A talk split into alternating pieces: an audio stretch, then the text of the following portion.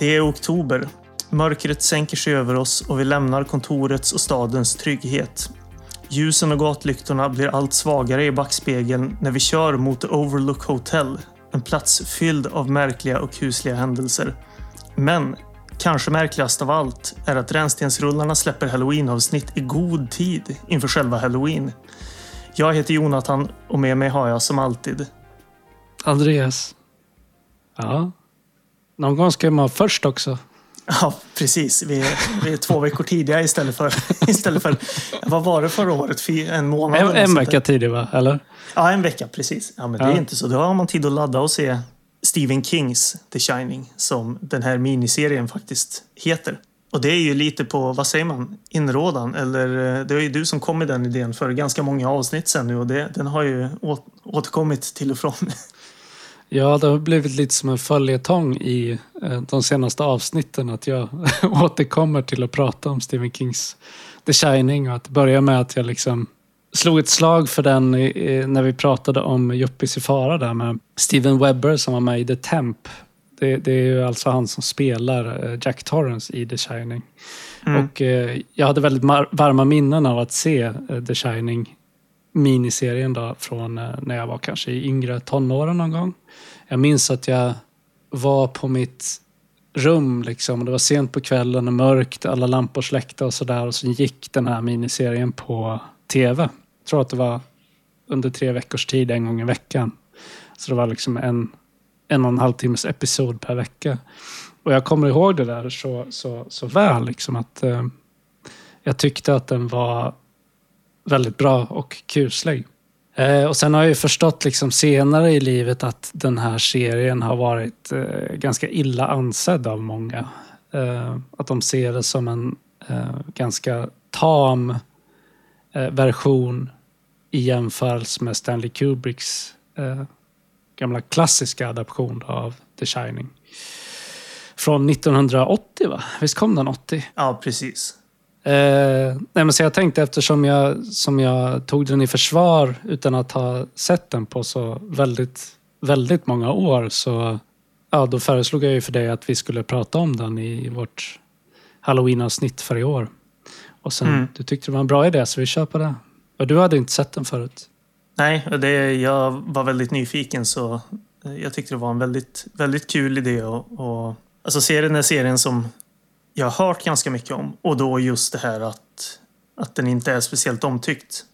Eh, men som jag har sagt tidigare så är The Shining en sån film som jag inte har någon form av relation till förutom att jag har sett den och att jag tycker att den är bra. Så det var därför också ja, men, eh, utmärkt läge att se den här serien som jag inte liksom har några problem med att tycka om om det nu skulle vara bra. Det är inte så att, att jag känner att den har gjort någon oförrätt mot filmen bara genom att existera i och med att jag inte som sagt har någon relation alls till The Shining. Så därför tyckte jag det var väldigt kul att, att se Har, har du läst boken? Ja, det har jag gjort. Nu var det Okej. ganska länge sedan. Eller ganska, Mm. fem, fem, sex år sedan eller något sånt.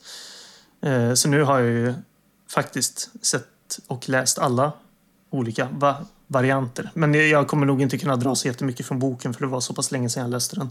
Samma för mig. Jag läste ju den också där någon gång i tonåren tror jag. Så, så den eh, minns jag inte så mycket av mer än att jag tyckte väldigt mycket om den. Mm. Eh, och som alltid med adaptioner av Stephen Kings eh, verk, eh, åtminstone i de liksom, miniserier som har gjorts och sådär, så är ju, som jag kommer ihåg det i alla fall, boken betydligt roare än vad, vad, vad den här miniserien är. Ja, det ska ju sägas, jag har inte sett någon av eh, någon av miniserierna som har gjorts av Mick Garris. Du har inte sett eh, Pestens tid heller? Nej, jag, jag har inte läst varken läst boken eller sett Nej. någon av serierna för det kom ju en ny nu för något år, eller för något år sedan, för ett par år sedan. 2020 var det va, tror jag. Ja, precis. Jag har bara sett filmatiseringarna som har kommit och läst ett antal av böckerna. Ja. Det är lite kul att eh, vi är inte helt ute ur eh, Yuppies i faralanden, vilket är kul, men det kan vi ta Ja, när vi ja, kommer men till jag det. tror jag vet vad du, jag tror jag vet vad du är på väg mot. Men eh, den här gången så, så för ovanlighetens skull så är det ju faktiskt eh, min DVD eh, som vi har tittat på båda två. Mm. Och vi fick ju använda oss av eh, den gamla hederliga posten för att ja, få till stånd det här eh, avsnittet eftersom den här eh, miniserien är inte lätt att få tag på. Alltså. Den går inte att streama någonstans och eh, jag tror inte att den är särskilt lätt att få tag på på DVD heller. Det har inte jag kollat upp eftersom jag redan har den. Men... Nej, precis. Jag, jag gjorde ju en Tradera-sökning för ett par veckor sedan och hittade en, en jag tror det var en dansk DVD eller om det var en norsk. Det, det nämnde jag i det avsnittet när jag Mm. googlade samtidigt vi spelade in. Så nej, det, jag tycker det är konstigt faktiskt. För visst att filmen är lätt att få tag i förstår man ju. Men den här serien är ju ändå... Alltså... Den är inte fylld med massa innehåll som skulle vara svårt. Alltså copyright-grejer som skulle vara svåra att liksom eh, förnya. Och jag Nej. menar, i och med att det här är den serien som Stephen King själv har, vad säger man, eh, välsignat så att säga.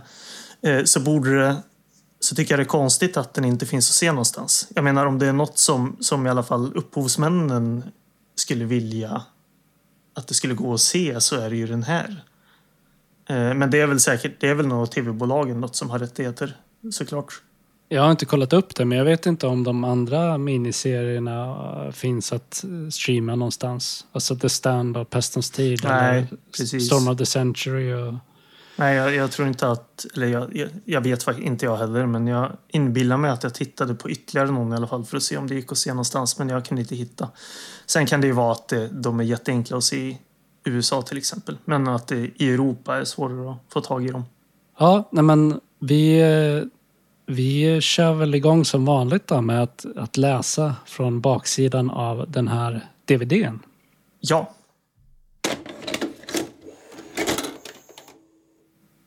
110 tomma hotellrum fyllda med skräck.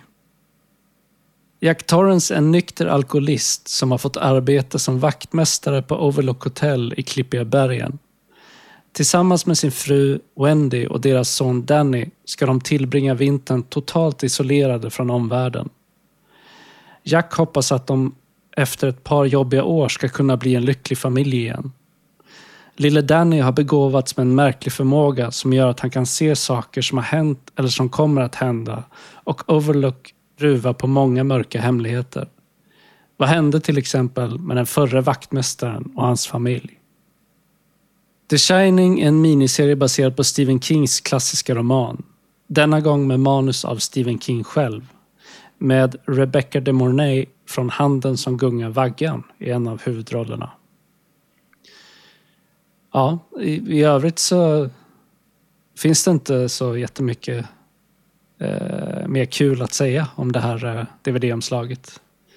Det är ganska mycket av ett så run of the mill ja, DVD-omslag. precis. Jag skickar ingen bild på framsidan för det, det, vi är ju förbi tiden när man hade roliga, roliga taglines där. Det, det är ju ett Ja. ganska fult omslag får man säga. Jag tycker framförallt att den här bilden av är, för omslaget är ju av Danny och så är det ett stort ansikte på. Är det Steven Webber som är på omslaget? Eller Mm. är det ett an- För jag tyckte inte att jag kände igen honom.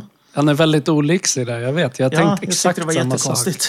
Ja, nej, jag vet, det ser inte ut som han. Eh, Det är en sak som jag kommer ihåg från, från eh, tidigare i mitt liv också. Att jag så här undrade över det. Att är det, är det Jack eller är det... Jag funderade på om det var Tony ett tag. Alltså eh, lille Dannys eh, låtsaskompis. Mm. Vi, vi ska komma in på, på skådespelarna mer sen. Men snabbt bara. Steven Webber var ju med i The Temp. Vilken roll spelar han i den filmen? Han spelar eh, polaren där till eh, Timothy Hutton. Han gör inte så mycket i den filmen förutom att fungera som någon form av eh, som boll, bollplank för Timothy Huttons karaktär. Eh, för att han ska Mm. ha någon att dela sina tankar med. Liksom.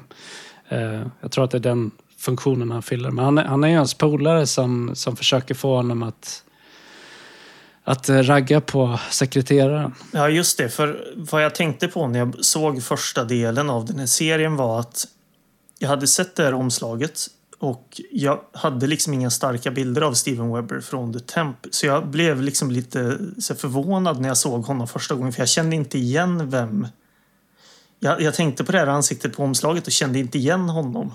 Eh, Nej, just det. Och blev lite, lite så förvånad. Liksom, vem är det här? det, eh, nej, så, nej, men det är om det om, om eh, omslaget. Vissa pratar mer om, om Steven Webber och så vidare sen. Ja, det, det har ju såna här väldigt fula eh, fade-effekter också. Ja, precis. Eh, så, här, ful användning av transparens. Mm. Ska vi säga med våra avsnittsbilder. Ja, men det, vi har i alla fall inte såna här eh, kassa gradient, färggradient-grejer. Nej, det Liksom. är sant. Eh, kommer du ihåg? Det är kanske den enda relationen jag har till de här miniserierna och då inte till The Shining men till Pestens tid. Kommer du ihåg att Pestens tid släpptes på en sån här dubbel VHS-utgåva? Ja, jag har något svagt minne av det. Ja. För det kommer jag ihåg att det var en grej man tittade på i videobutiken. Den hade något rött omslag tror jag. ja, just det. Det var som en episk tome. Ja, jag minns att det var en sån grej för det var den och Ben Hur som, som var liksom två VHSer och det kändes ju helt otroligt att man skulle titta på en så lång film. Liksom. Just det. Vilket du inte gjorde, för du har inte sett den. Nej, nej, nej. Jag, jag har inte sett Ben Hur heller. Nej, Det kändes övermäktigt med de här två, ja, två. VHS-kassetterna. Som man säger, två, två ändar av spektrat. Ja, precis. ja, nej, men filmen är ju regisserad av, eh, eller film, miniserien är regisserad av eh, Mick Garris. Eh, som väl idag kanske är mest känd för sin podcast. Mm. Eh, Postmortem heter den va? Jag har inte lyssnat på den. Så jag vet inte så mycket om den alls. Förutom att han har varit någon form Alltså han har väl varit ganska betydande för att eh, liksom hålla den här skräckfilmsgenren vid liv. Ja, definitivt. Framför allt att ge eh, många av de här äldre regissörerna en, en plattform eller fritt, fritt spelrum att få försöka Eh, berätta sina historier och liksom ge dem mer fria tyglar än vad, vad en mer traditionell, traditionellt filmbolag skulle göra. Och sådär. Ja, alltså framförallt podcasten har hetat Postmortem i alla fall. Eh, sen så vet jag att han bytte liksom eh, plattform. Eh, och jag kommer inte ihåg om den bytte namn då eller, eller hur, i vilken ände det var. Men, eh, men eh, det är han ju kanske mest känd för idag. Ja. Eh, det är en podcast där han intervjuar regissörer framförallt. Eh, Eh, men sen verkligen, han har ju haft en väldigt betydande roll inom alltså hela skräckfilms crowden på så sätt att alltså, han stod ju bakom hela Masters of Horror-serien som kom. Det var väl 2002 eller något i den stilen.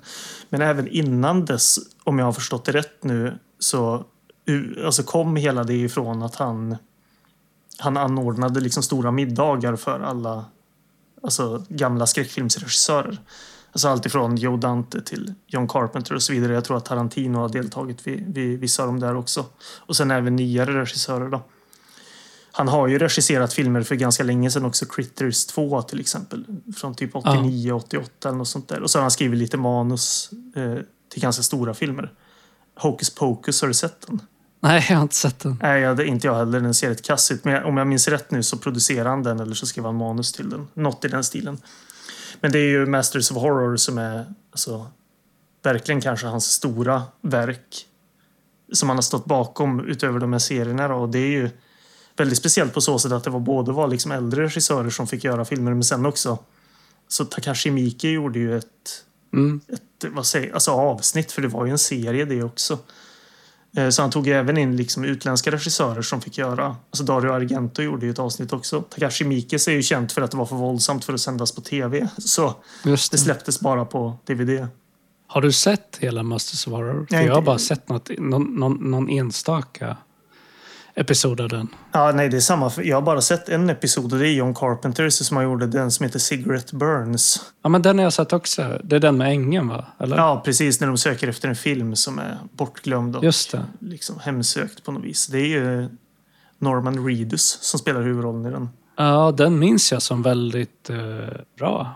Ja, verkligen. Obehaglig, så här kuslig. Precis. Precis. Ja, men det finns ju ganska många delar. Jag har Ja. tänkt flera gånger att, för det är ju också en sån, den går inte att se någonstans. Säkert i USA som sagt, men, men om man vill titta på, på lagligt vis så att säga så finns det ingenstans att se den. Så det är en sån där som jag återkommer till då och då att jag skulle köpa någon DVD-box av de där, för jag är lite nyfiken.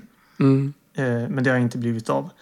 Jag tror att när jag såg Cigarette Burns för typ fem, fyra, fem år sedan så fanns den på Youtube. Okej. Ja, jag tror jag såg den då, eller strax efter att de kom. Liksom. Eh, där, det var mellan 2005 och 2006 som Masters of Horror gick. Jaha, är det så sent? Jag fick för mig att det var tidigare än så. Men de känns ju som att de borde kunna ha gått på svensk tv. Ja, Men jag tror att de gjorde det. Ja, Jag kommer liksom inte ihåg hur jag... Eh, hur de kom till min kännedom. nej men precis. Men han, han har ju en ganska intressant karriär.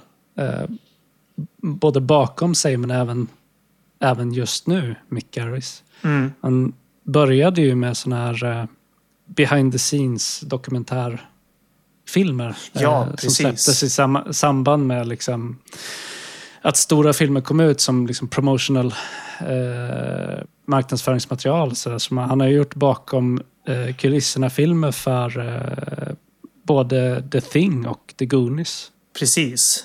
Absolut. Jag tror att eh, liksom, tidigaste giget han gjorde var väl på Star Wars till och med. Tror jag. Ja, okej. ja. Så absolut, det är väldigt spretigt så. De där behind the scenes-grejerna är ofta ganska roliga att se. Har du sett eh, The Making of the Thing? Det känns som att det är någonting som du skulle ha sett någon gång. Ja, om, om jag har sett den så är det ganska länge sedan. Jag kommer inte riktigt ihåg faktiskt. Nej. Jag tror att han var programledare för ett ganska känt tv-inslag också där eh, David Cronenberg, John Carpenter och Joe Dante sitt, alltså har en sån här eh, stu, har ett studiosamtal om skräck. Mhm. Ja, men det där tror jag har sett någon gång. Jag tror att det finns upplagt på Youtube Ja, kanske. precis. precis. Ja. Det finns på, det heter något, eh, något som jag inte kommer ihåg. Men, men det är väldigt intressant. Jag tror det var 82 när Videodrome, The Thing och The Howling hade kommit. Det är tre väldigt eh, olika linnen som, som diskuterar. Ja. John Carpenter sitter och kedjeröker eller?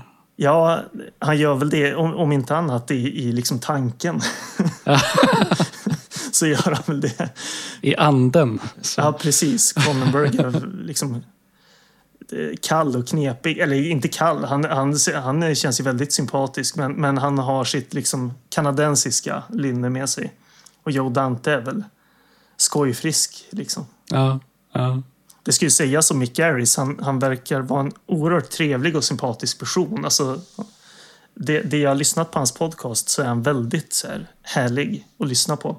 Men alltså, på, på vilket sätt har han främjat skräck, skräckfilmsgenren? Alltså är det, vet, har han bidragit ekonomiskt till de här produktionerna också? Liksom? Vet du det? Det vet jag inte på rak arm, men jag tror att han står som alltså, producent och har liksom sålt Ja. in idén till tv-bolag och sånt där. Att det är något som ska göras och eh, att han då också står som producent på alla de här eh, avsnitten av Masters of Horror till exempel. Så, så han har väl liksom blivit en...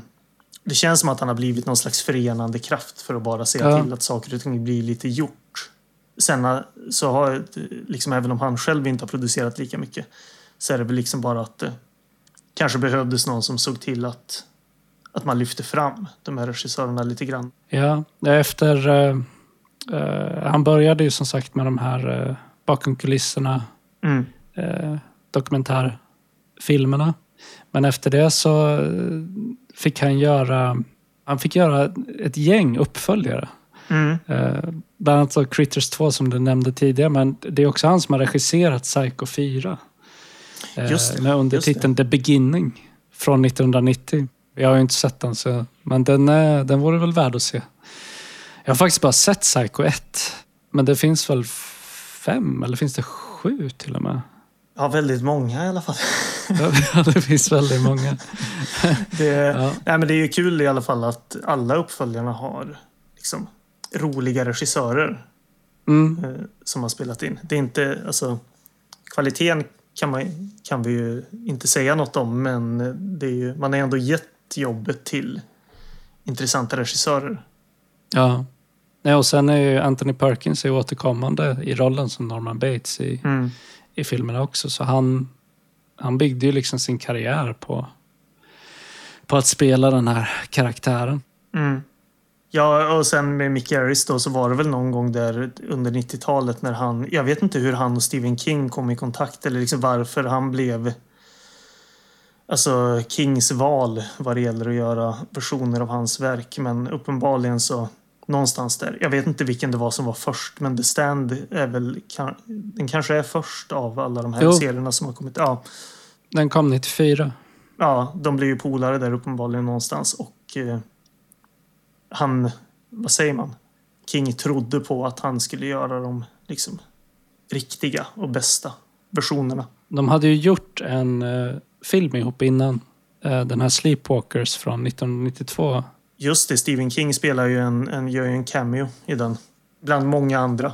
Precis, Imagine Amick är med från, också från Twin Peaks. En sån här serie som vi återkommer till också benämner här i podcasten. Ja, det är så ja, många precis. skådespelare som dyker upp eh, som har varit med där. Ja, precis. Nej, men så de hade gjort den filmen ihop eh, två år innan eh, The Stand kom.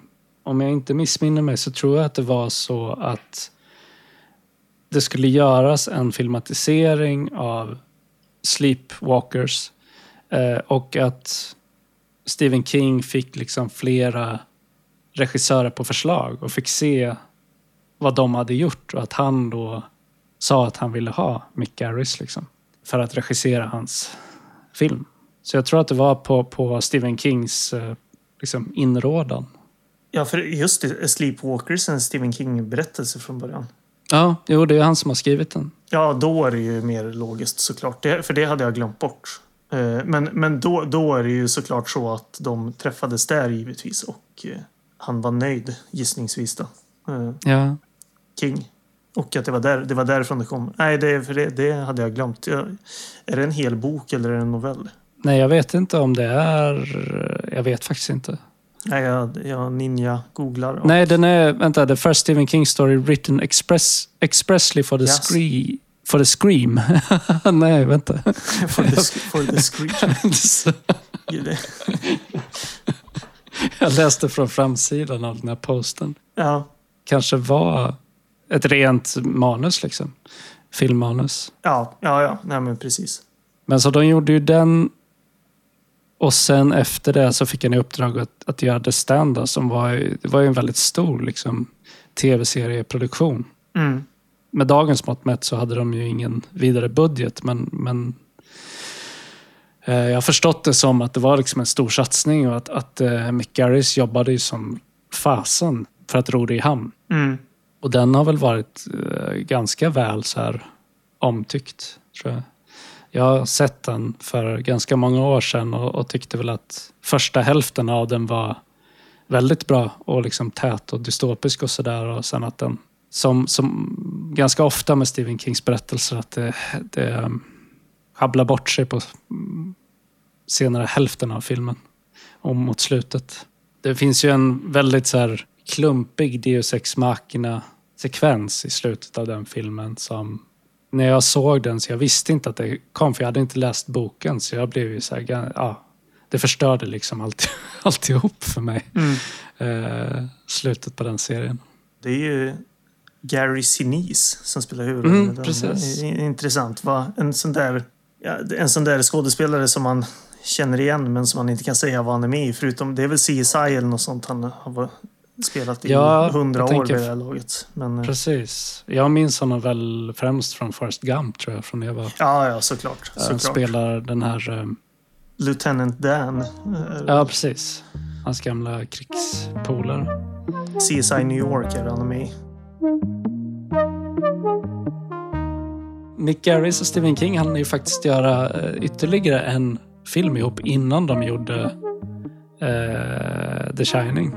Jaha, vilken då? Quicksilver Highway. Just det. Där Stephen King har skrivit en av de här berättelserna då, som, som är med i den. Ja, men vänta nu. Quicksilver Highway. Det finns ju något som heter Silver Bullets också.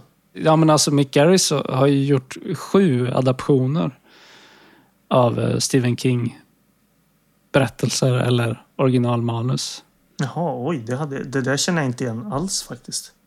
Jaha, Clive Barker har ju skrivit en av berättelserna till den. Ju... Mm. Men har du sett den? Nej, jag har inte sett den heller. Men det här har ju liksom slagit mig när jag, när jag har suttit och, och läst på lite inför den här poddinspelningen att eh, man borde kanske titta lite närmare på Mick Garris och djupdyka lite i hans ouvre. Mm, absolut. Jag menar, det, det ska vi ju komma till, men, men eh, det vi, alltså serien vi ska prata om idag har, har ju inte gett mig i alla fall instinktiv avsmak för att se vidare eh, på de här grejerna. Liksom. Nej, samma här. Men de gjorde ju, vi kan ju räkna upp vilka Stephen King eh, filmatiseringar han faktiskt har gjort. A Sleepwalkers då, som jag nämnt, eh, The Stand eller som den heter på svenska Pestens tid. Och sen är det The Shining, den här miniserien, Quicksilver High, Highway, Riding the Bullet, Desperation och Bag of Bones. Just det, för Bag of Bones är ju den... Någon av dem där är Pierce Brosnan med i. Mm. Någon av de nyare.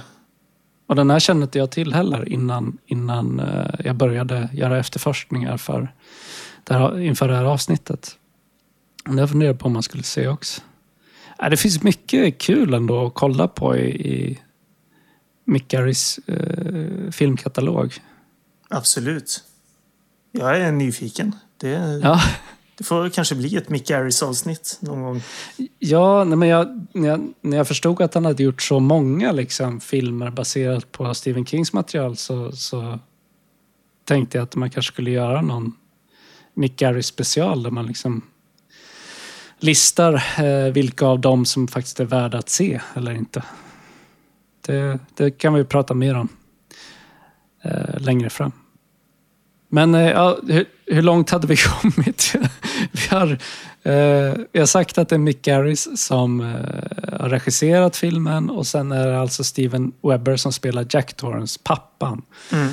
i den här eh, miniserien. Och sen har vi eh, Rebecca de Mornay som spelar Winifred Torrance, alltså hustrun, och Cortland Mead som spelar eh, den lille pojken Daniel Anthony Torrance. Är det Winifred hon heter i, i helt namn? Ja, tydligen. Jag, jag har aldrig liksom reflekterat över hennes förnamn. Nej, det, kommer inte, det kommer inte jag ihåg från boken heller. För det är väl Wendy hon kallas i serien. Ja, precis. Och eh, Daniel Torrance kallas ju bara för Danny. Eller Doc, som de kallar honom också. Mm, ja, ja, precis. Det är nästan mer det faktiskt. Ja, Och sen eh, Melvin Van Peebles spelar ju Halloran i den här serien. Far till Mario Van Peebles. Melvin Van Peebles är en väldigt, väldigt känd Blaxploitation-regissör. Eh, sen liksom tidigt 70-tal. Och hans son har ju skådespelat mycket också. Det där eh, vet inte jag så mycket om alls. Du får gärna utveckla lite om du vill. Nej, men jag har väl ingen jättekoll heller. Jag har ju mer koll på, på Mario Van Peebles än hans far. För Mario Van Peebles har ju regisserat New Jack City och, och så vidare. Aha, okej. Men alltså, Melvin Van Peebles har ju... Jag får googla här och kolla. Vad är den heter? Just det, Sweet Sweetbacks Badass Song. Någon sån här eh, Blaxploitation westernfilm har han regisserat. Och sen eh, ett par andra också. Jag tror att han var skådespelare också. Eh, eller ja, det är han ju givetvis. Men att eh, han liksom både har skrivit, regisserat och skådespelat. Men det är ju han som tar över Scatman Crothers roll. Precis. Som eh, det här eh, hotellet, då, Overlooks Hotels ordinarie vaktmästare, eller caretaker som det heter på, på engelska. Precis. Sen eh, Elliot Gould dyker upp i en liten roll också som eh, Mm. eh, ägare av hotellet. Som många som växte upp på 90-talet kanske minns främst som Ross pappa i, i Friends, eller Vänner. Ja, det, förmodligen. Jag har ju inte sett ett helt avsnitt av Vänner och jag är inget fan heller. Så, men, men jag förmodar att de, alltså, de lite yngre, eller de allra flesta, känner igen honom därifrån. Men han har gjort hur mycket som helst. Ja, ja, massa liksom. bra film så att säga. Eh, som jag har ganska dålig koll på, men jag känner ju väl igen honom ändå. Han är ju mysig. Kanske inte gör sin livsroll här, men... Nej, men det är också en väldigt liten roll. Ja, han spelar precis. ju... Eh, han spelar ju... Vet du det? Ja, men han, det är väl ägaren av hotellet som jag inte kommer ihåg vad han heter nu. Han, han är väl mån om att det här hotellet ska tas om hand i alla fall. Men det är väl de som är värda att nämna egentligen. Som man känner igen på så sätt. Och är det någon vi inte känner igen som någon blir irriterad över så må så vara. Ja. Eh, vad visste du om den här serien innan, innan du såg den? Nästan ingenting förutom att jag var väl medveten om att den inte var speciellt omtyckt. Det var lite av ett mysterium för mig. Jag kunde ju förstå att det var så det var, men jag var liksom nyfiken på varför det var så. Det enklaste man kan tänka sig är ju att Stephen King själv har varit väldigt liksom kaxig är väl fel ord. Han har varit här, nästan lite respektlös i vissa fall mot eh, regissörer som har gjort versioner av hans filmer och så tycker han att saker och ting ska göras på hans sätt. Och när man liksom är så kaxig och respektlös mot Stanley Kubrick och så vidare så känns det liksom att det går hand i hand med då att folk kommer inte tycka om hans version. Vare sig den har några kvaliteter eller inte. Men det var, det var egentligen främst det jag visste om. Stephen King har ju varit väldigt öppen med att han eh, inte eh, tycker om eh, den adaption av The Shining som Stanley Kubrick gjorde. Mm. Jag tror att han liksom har sagt att han tycker att den är väldigt så här, snygg och, och eh, liksom visuellt eh, imponerande på så sätt. Men att eh, Kubrick missade poängen med själva berättelsen. Alltså man märker ju väldigt tydligt när man ser den här serien vad det är Stephen King själv vill lyfta fram. eh, Som inte kommer fram i filmen. Precis, för det han har sagt är ju liksom att Stanley Kubricks version av The Shining är väldigt kall och kylig och liksom eh, att den saknar hjärta, tror jag han har beskrivit det som. Mm. Och eh, alltså sett från perspektivet av att det är han som har skrivit boken och hur den vad, vad den berättelsen verkligen handlar om så jag kan förstå det. Alltså, det jag fattar att eh, det är som att Kubrick och King har helt olika eh, ideologiska eller liksom filosofiska inställningar till grundmaterialet. Mm. Och att King, i allt jag har läst av honom eh, och, och de liksom filmatiseringar så där som jag sett av, av hans verk, så det kan vara väldigt liksom brutalt och hemskt och, och läskigt och så. Men i grunden så är han alltid ändå en, en optimist skulle jag säga. Och, och liksom, han har ett... Han vill att det ska gå bra. Ja, ja. Och eh, han är ingen cyniker. Liksom. Och jag tror Nej. att det var det han, han reagerade på med, med Kubricks film. Att han upplevde att det fanns en så, så djup cynism i den och en liksom misstro på människan och en slags eh, nihilism nästan som, som, eh, som, som inte överensstämde med vad hans ursprungliga berättelse handlar om. Mm. Och så långt måste man ju hålla med honom, tycker jag. Eh, sen så kan man ju ha olika åsikter om vilkens version av den här berättelsen som faktiskt är den bästa. Alltså jag skulle Mm. säga att de är två väldigt, väldigt olika eh, saker. Så på ett sätt så är det svårt att ens jämföra dem. Det de delar på, på många sätt är så att ja, men själva berättelsens grundstomme och namnet och vart berättelsen utspelar sig. Men i övrigt så är det helt olika eh, skapelser. Ja, verkligen. Det, du har de här grundpelarna, liksom. Familjekonstellationen, vart det utspelar sig, ja, som du sa. Men utöver det så är det ju inte alls mycket som man kan säga stämmer överens. Eh, ja, om man ser det på ett rent filmiskt, liksom. eh, plan så har det ju scener som stämmer överens. Men ur berättelseperspektivet så är det ju väldigt olika. Eh, vad man tar fasta på och lyfter fram och så vidare.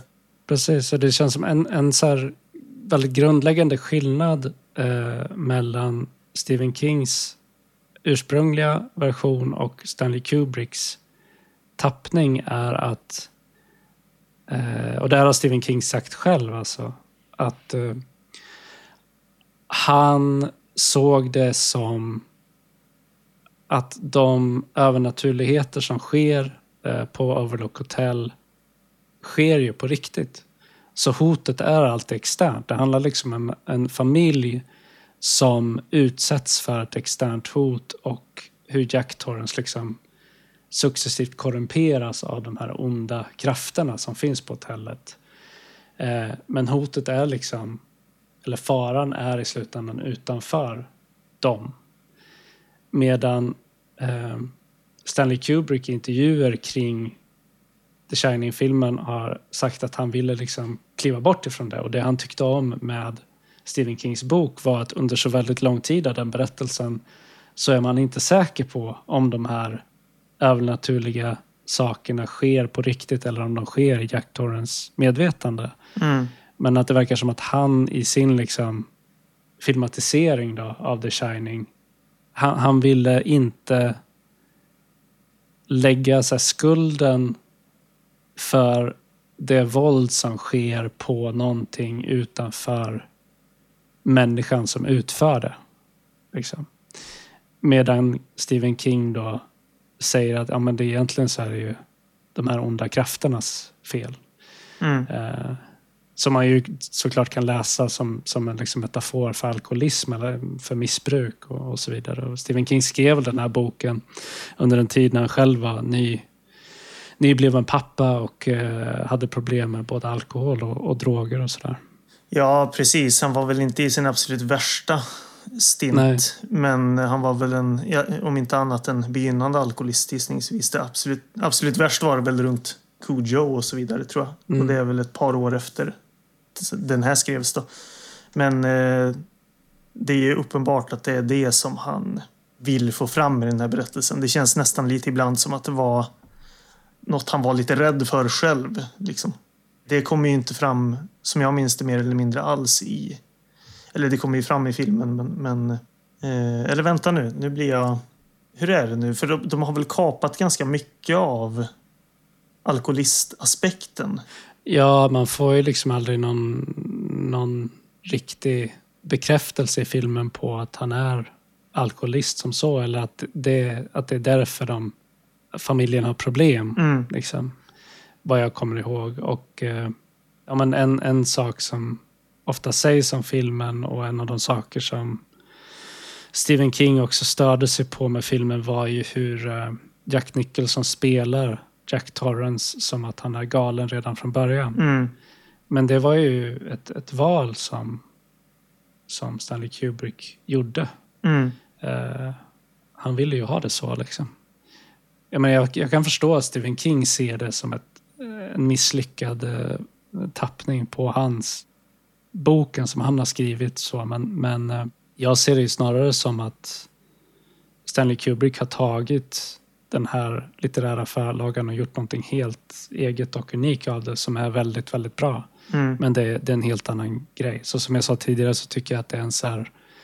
Jag vet inte ens om det, det, det finns någonting värt i att jämföra dem överhuvudtaget faktiskt. Nej, och det behöver vi inte göra heller egentligen. Mer än att det är intressant att titta på. Alltså, jag kommer framför allt, det jag har upplevt de riktigt stora skillnaderna är ju när man tittar på hur den här familjen framställs. Men det, ska vi, ju- det kan vi ta lite längre fram när vi faktiskt kommer in och pratar mer om de som spelar och så vidare.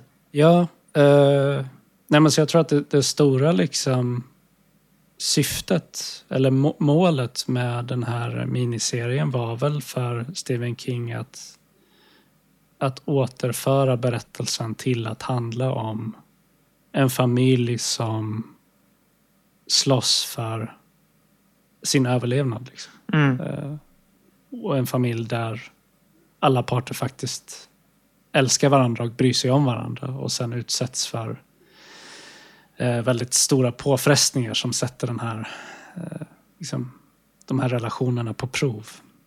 Mm. Nej, men ska vi gå in på... Ska vi börja med del ett då, kanske? Mm. Det vi pratar om är alltså tre delar eh, som vardera är en och en halv timme långa. Så fyra och en halv timme totalt. Eller hur? Ja. Jo, Snabb huvudräkning ger fyra och en halv timme totalt. Ja, precis. Det, det, ja, nej men exakt. Det, det är som eh, tre, tre långfilmer kan man säga. Ja. Eh, Det var intressant med första delen där, för den börjar ju väldigt eh, rätt fram med en scen nere vid den här eh, eh, ugnen, eller liksom värmeanläggningen som han ska sköta om. Eh, och den började så pass tvärt att jag började undra om jag hade slagit igång fel avsnitt. Så jag, jag, jag, det, det kan man ju säga då, den här DVD-utgåvan är ju två diskar och den ena disken är sån här cool historia som är dubbelsidig. Eh, så man vänder på den och det står på den inre ringen vilken del det är. Jag har alltid varit lite förvirrad av de där att när det står delet, är det då motsatt sida liksom? Att, Ja, det. Eller är det den sidan man tittar på? så, så jag vände sida där en gång men konstaterade då i menyn att det stod eh, episod 2. Så nej, men det var helt rätt. Det, det börjar nere vid den här värmeanläggningen och det förklaras för honom hur han ska ta hand om den och så vidare. Och sen så går det över till att man får en liten scen där när det är fullt liv på hotellet. Eh, det är intressant också i den här första scenen för de gör ju en liten blinkning till, eh, till det här badkaret och det är ju kul på så sätt att de är väldigt väl medvetna om vad folk sitter och väntar på redan nu. Alltså The Shining i sig är ju såklart legendarisk men det känns väl som att det är nästan är den scenen som, som är mest känd från hela den filmen. Förut, ja, om man bortser från Here's Johnny och så vidare. Eh, bortsett från dem så, så är väl det en av de absolut mest kända scenerna och det är man ju väl medveten om. Är att Mm. man blinkar till det redan nu. Sen kommer ju scenen när han pratar med Elliot Gould och man får ändå, det tror jag inte att man får alls i filmen. Här får man ju en liten bild av när det är rörelse och liv på hotellet. När han är där på någon slags introduktionsdag, typ. Mm. Och det är ju... Hotellet, det känns ju så väldigt eh, New England nu. Ja. I, I hur, hur hotellet ser ut. Jag sa, ibland satt jag och undrade, men vänta nu, är det en riktig byggnad? eller, eller är det någon slags kuliss bara? Men eh, jag kommer inte riktigt ihåg hur det ser ut i, i filmen. Men det, det känns som att man även på det planet har lyft tillbaka historien till verkligen liksom platsen som Stephen King vill att hans historier ska utspela sig på. Det spelades ju in på ett riktigt hotell som heter The Stanley Hotel. Alltså det, det, det är det hotellet som ursprungligen inspirerade honom att skriva boken The Shining. Så, så de tog det liksom tillbaka till ursprungsplatsen och spelade in det där. Eh, det är också en så här ganska rolig trivia att det faktiskt är det hotellet som Stephen King hade i åtanke när han skrev boken. Ja, ja, ja. Nej, men då är det ju verkligen liksom logiskt att det är där man har placerat den här också. Som sagt, även där så gör, blir det som en grej att man verkligen tar, tar lite avstånd från det som har gjorts tidigare och att man visar på att nej, det, det är så här det ska vara. Det funkar ju bra. Det är en mäktig, mäktig byggnad. Ser lite stämningsfullt ut. Det är mysigt. Det är väldigt soligt och, och fint Ja. och sådär i början när de kommer dit. Och om man inte visste bättre så skulle man ju tro att de eh, ja, har några riktigt härliga månader att se fram emot där. Helt eh, ensamma i den här gigantiska byggnaden med all möjlig lyx och hur mycket mat som helst. Och, ja. Ja, men det är ju lite mysigt ändå. ja, det är mysigt. Det är Ja, alltså väldigt det, det, mysigt. det, det är ju en, en liksom enorm skillnad här gentemot filmen och det är ju att den här filmen, eller den här serien är, det, det ska vi återkomma till, men det är ju rätt mysigt det här. Liksom. Det, det är trevligt att se. Se den här liksom. Det är mysig stämning och framförallt så har man ju en så stor skillnad i den här familjekonstellationen där i serien. Det är ganska trevligt. Jag, jag tänker, för alltså man får ju då såklart också introduceras till Steven Webber här. Jag tänker, alltså vi, vi skulle ju kunna, ska vi prata om skådespelarna nu? Ja, absolut. För jag tycker ju jättemycket om Steven Webber här. Ja, jag med. Jag tycker han är kanon.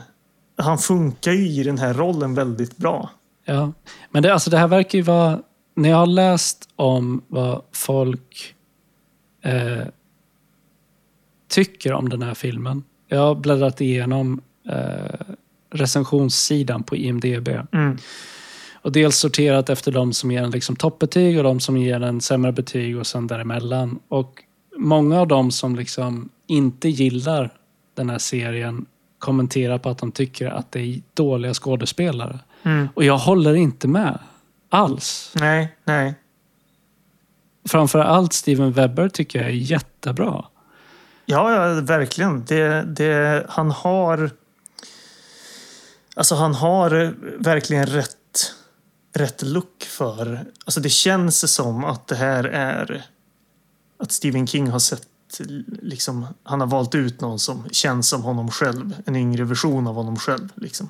Ja, och det han lyckas med, eller det de lyckas med i den här serien som liksom inte... Eh, som inte finns i Stanley Kubricks eh, film är ju att de skildrar liksom hur Jack Torrance då går från att vara liksom eh, den här familjepappan som kämpar med sin alkoholism men som i grunden är en, en bra person och som vill göra rätt och vill väl och som älskar sin familj. Mm. Går från att vara det till att bli galen liksom, på grund av det här husets inverkan då på hans eh, personlighet och hans känsloliv. Mm. Och jag tycker att han gör den, den förvandlingen väldigt bra. Mm. Ja, precis. Ja, det, vi, vi, kan, vi ska komma in lite mer på när han, när, när han börjar bli förändras. Eh, I och med att det, det kommer ganska mycket i avsnitt två, eh, eller del två. Det kanske är en aning hastigt, eh, men vi, som sagt, vi ska komma in på det. Men eh, alltså, jag tycker jättemycket om honom. Sen Rebecca de Mornay har ju inte så mycket att göra jämfört med honom, men hon känns ändå ganska alltså, stabil och eh, liksom bra i den här rollen. De tillsammans känns väldigt härliga. Nej, men hon fungerar ju som någon slags, eh, alltså familjens här, stadiga ankare och som en voice of reason när, Mm. när det börjar eh, gå åt helvete. Liksom. Mm. Så jag, jag tycker att hon gör den här rollen väldigt bra också. De, de två har ju framförallt några väldigt bra scener ihop. Mm. Som är helt liksom dialogbaserade och sådär. Där de pratar ganska länge och intensivt med varandra om vad som sker och vad de tänker kring eh, sitt familjeliv och sådär. Ja, och vad jag tänkte då när man ser de här två tillsammans är ju att eh, med de här två i rollerna så är det ändå lite yuppies i fara. Ja, över den här. För de är, och det tänkte jag på när jag såg del tre igår. Eh, att, för det finns en scen när de står ute på liksom verandan till hotellet. Jag tänkte, fan vad snygga de är ändå. I, när de har sig helt rätt look, liksom ora, när Steven Webber är orakad och sådär. Och då kan man ju tycka sig, ja men det är en så här ytligt intryck att få. Men sen började jag tänka lite mer på det där och det slog mig att det finns inte en sekund i filmen The Shining som man tänker, fan vad snyggt, snyggt och coolt det här paret är liksom. nej, nej, inte alls. Tvärtom. Det finns, det, Bara alltså, obehagligt allting. Precis, det finns ju inte en sekund i filmen när man tänker att deras relation någonsin har varit sund. Liksom. Nej, nej, Eller ens eh, liksom, tänkbar. nej. I serien så har man ju, alltså det här paret, de, de känns ju som sagt väldigt juppiga på så sätt och de känns också ja, men, sannolika. Som, som en en gång fungerande familj. familj. Ja, som, som eh, på grund av eh, Steven Webbers alkoholism har eh, liksom utsatts för väldigt svåra prövningar. För han blir ju våldsam och aggressiv när han dricker. Mm. Och vid ett tillfälle så har han eh, grabbat tag i Danny och eh, vridit om hans arm så att han, han, han brutit armen på sin son. Och efter det här då så, så har han väl eh, bestämt sig för att bli nykter och sen liksom när, när man kommer in i den här berättelsen så har han varit nykter ett tag och eh, söker jobb och får det här jobberbjudandet som, som vaktmästare över vintersäsongen på det här hotellet och det är därför de hamnar där. Eh, helt ensamma då. Mm. Frånkopplade från världen. Precis. Sen så har vi ju, och det är ju ett... eh, Det är, ju ett svagt kort helt enkelt. Danny, han som spelar Danny Corkin han är ju inte så bra. Alltså man, nu, det känns inte så kul att vara elak mot en, mot en barnskådespelare. Han är inget barn längre. Nej, nej, det är helt sant. Helt sant. Det, man ska inte... det, det är fria tyglar liksom. Han är 35 år jag tänker att han kan ta det. Han är född 1985. Ja, precis. Och jag, när jag kollar på han Nej, verkar 87, ha haft förlåt. En, han har ju verkar haft en hyfsad karriär så, alltså, efter det här ändå också. Jag tror att han hade no, alltså, att han har gjort en del röstskådespeleri och sådär. Ah, okay, Vad ja. var det han hade varit med i? Nu måste jag kolla det. det. Det enda jag kände igen honom ifrån innan var, var Busungen eller The Rascals. Ja, precis. Men där var han ju ännu yngre än vad han är här. Nej, men just det. Det var så här det var. Han, eh, han gjorde rösten till en av karaktärerna i... Kommer du ihåg den serien Rasten som gick på Disney Channel? Jag kommer ihåg den i alla fall. Men du är ju några år äldre än mig, så Nej, jag känner inte igen det. Vad hette, vad hette den original? Reeses. Ah, nej. Eller för, vänta nu förresten, det verkar som att han bara gjorde någon röst i någon film. Ja, i alla fall. Ja, alla som är eh, som mig, födda tidigt 90-tal, kommer veta vad jag pratar om. Men han är inte så bra, tyvärr. Nej, han är väldigt ung också. Jag vet inte hur gammal han... han vänta, han var född 87 tror jag.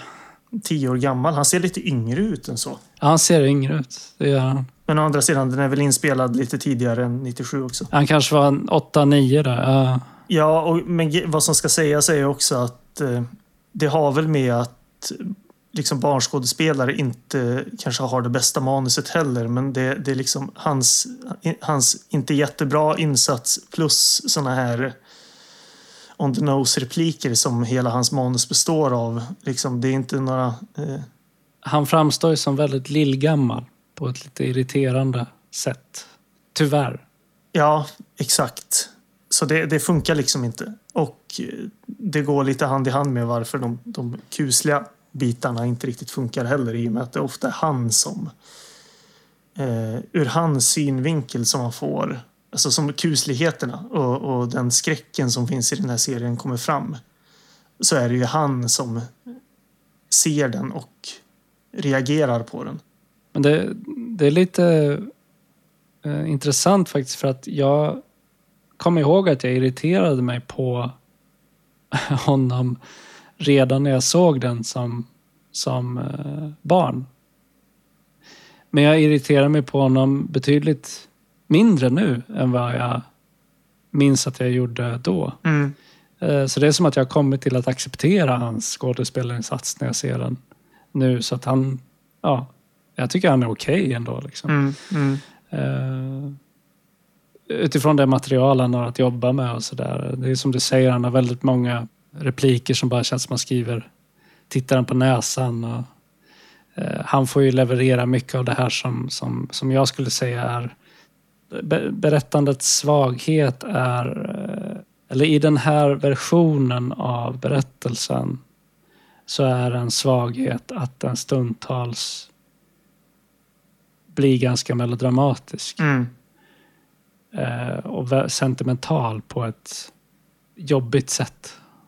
Och det är mycket han som står för det. Ja, ja, ja, ja, verkligen.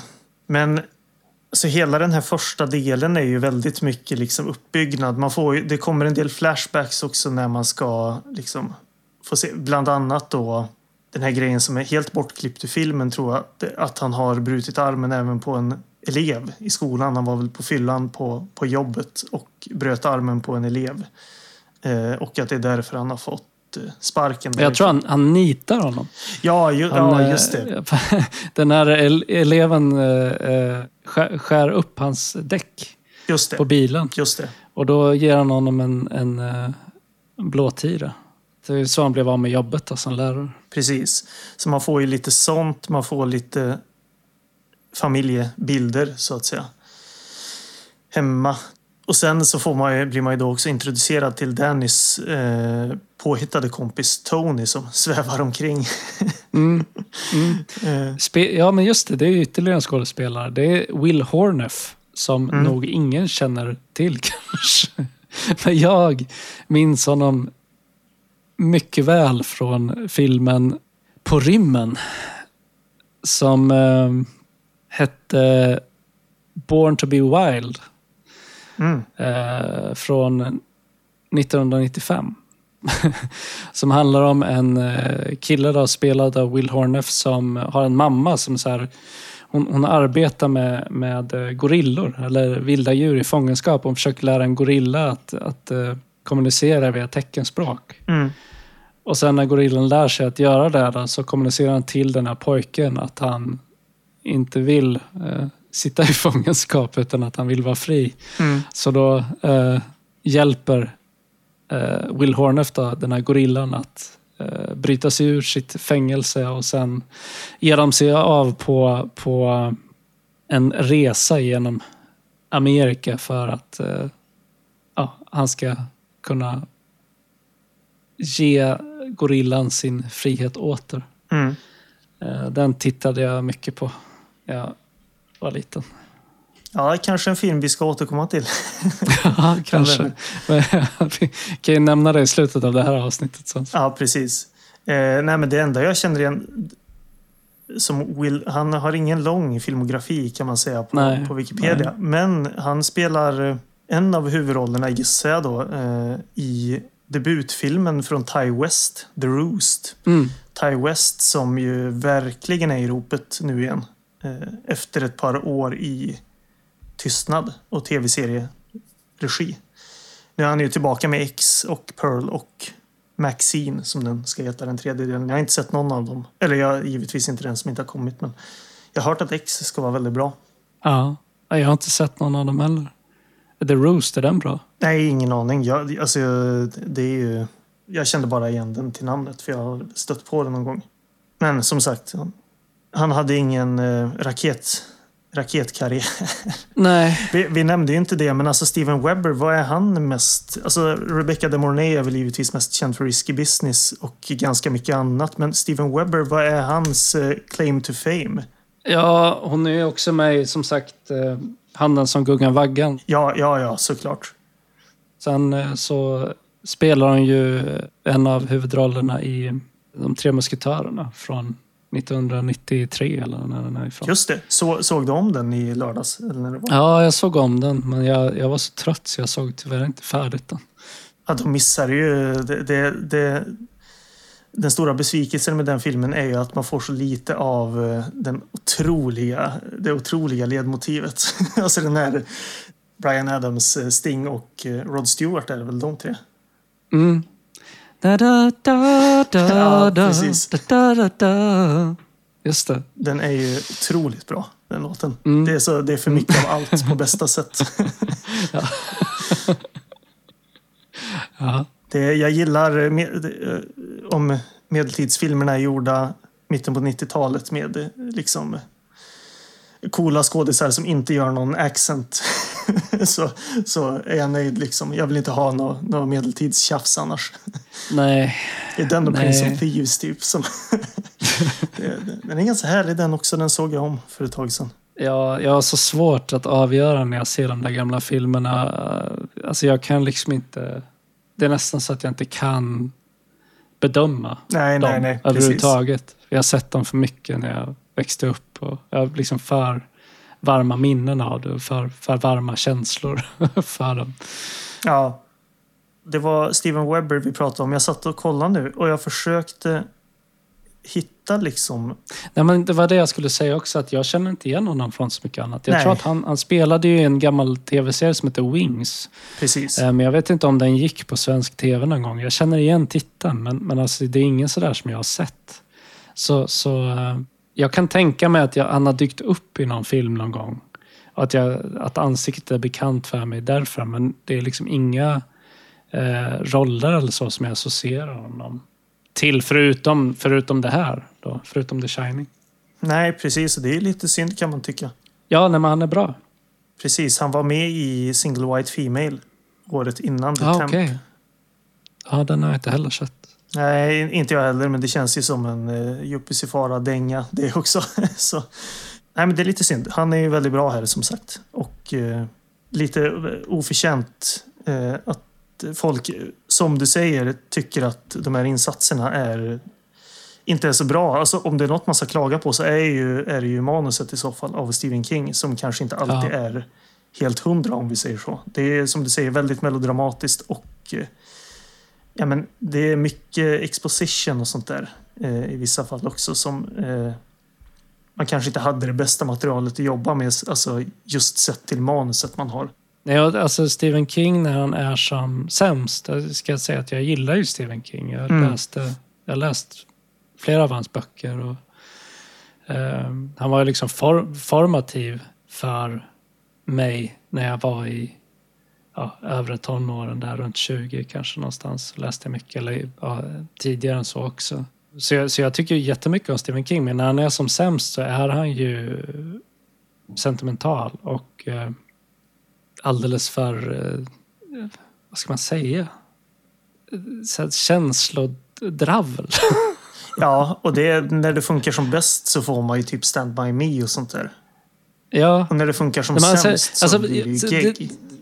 Precis, och det, men det, det, är sentimentalt på det här sättet som en, en full farbror blir sentimental när man sitter och liksom... Ja, det, Ja, det, är, det är fint ändå. När man, när, när man, när man så kramar polarna på fyllan liksom. För att man... ja, precis. precis. Den typen av, av kladdighet. Ja, verkligen. Håller du med mig? Eller? I den jämförelsen? Liksom. Ja, nej, men det blir som det är sentimentalt. Ja, men sentimentalt eh, och inte slipat liksom sentimentalt. Utan det är bara att man går ner sig i sentimentalitet. Liksom att det ska vara mysigt och det blir geggigt och eh, man kommer inte riktigt ur det. Man får liksom känslan av att han skriver vissa av de här delarna medan det rinner en ensam tår längs, ja. längs, längs hans kind. När han tänker tillbaka på 50-talet. Liksom. precis.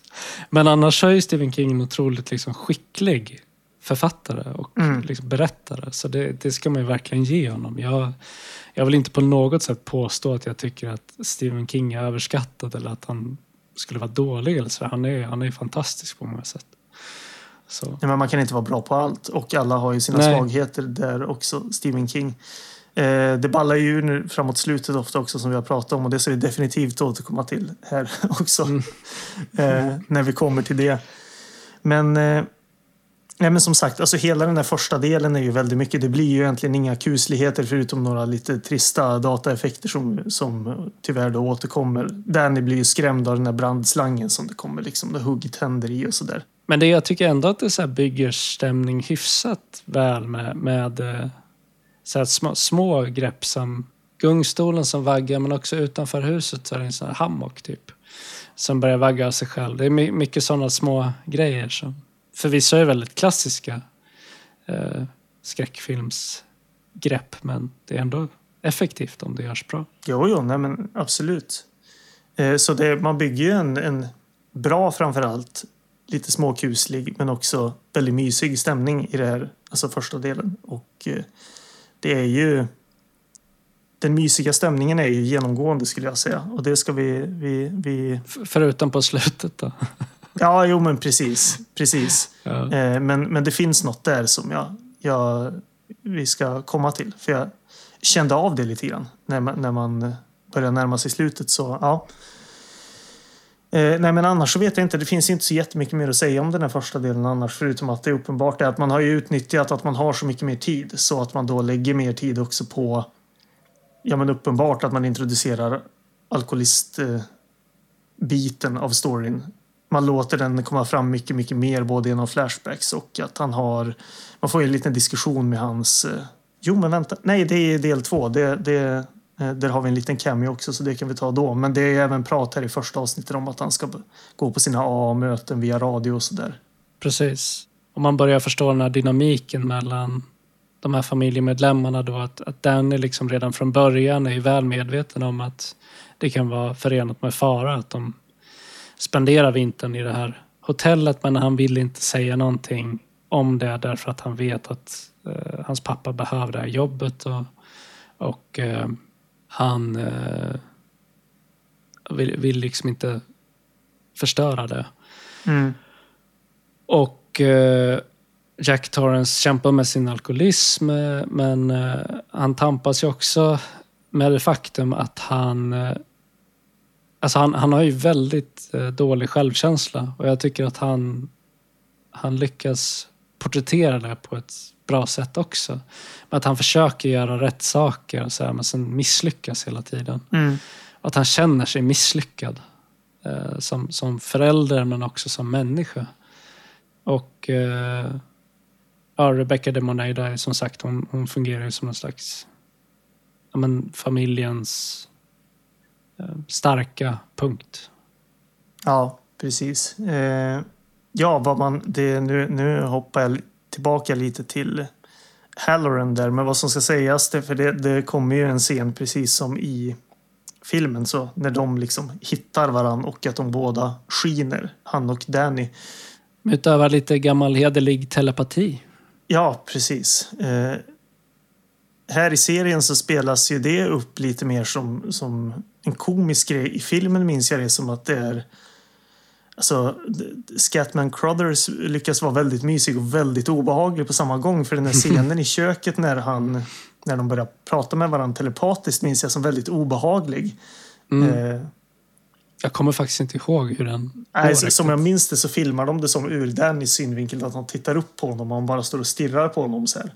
Ah, Eh, och, ja, men det, här i serien så spränger han, spränger han liksom baklyktan på Hallorans bil. ja, och ger eh. honom näsblod. Ja, precis. Precis. Att han har såna otroligt starka mentala krafter. Mm. Ja, nej men det kanske inte är så my- jättemycket mer att säga om den här första delen. Jag tycker ju att eh, man märker redan här den stora behållningen. Liksom. Stämningen, skådespelarna och eh, eh, framförallt så tycker jag inte heller att det känns, för det var också en sån sak jag undrade lite över, kommer det kännas eh, utdraget i onödan liksom? Och det tycker jag inte riktigt att det gör. Än så länge i alla fall. Eh, Nej. utan det funkar. Det man har valt att lägga till och lägger mer tid på känns fullt rimligt.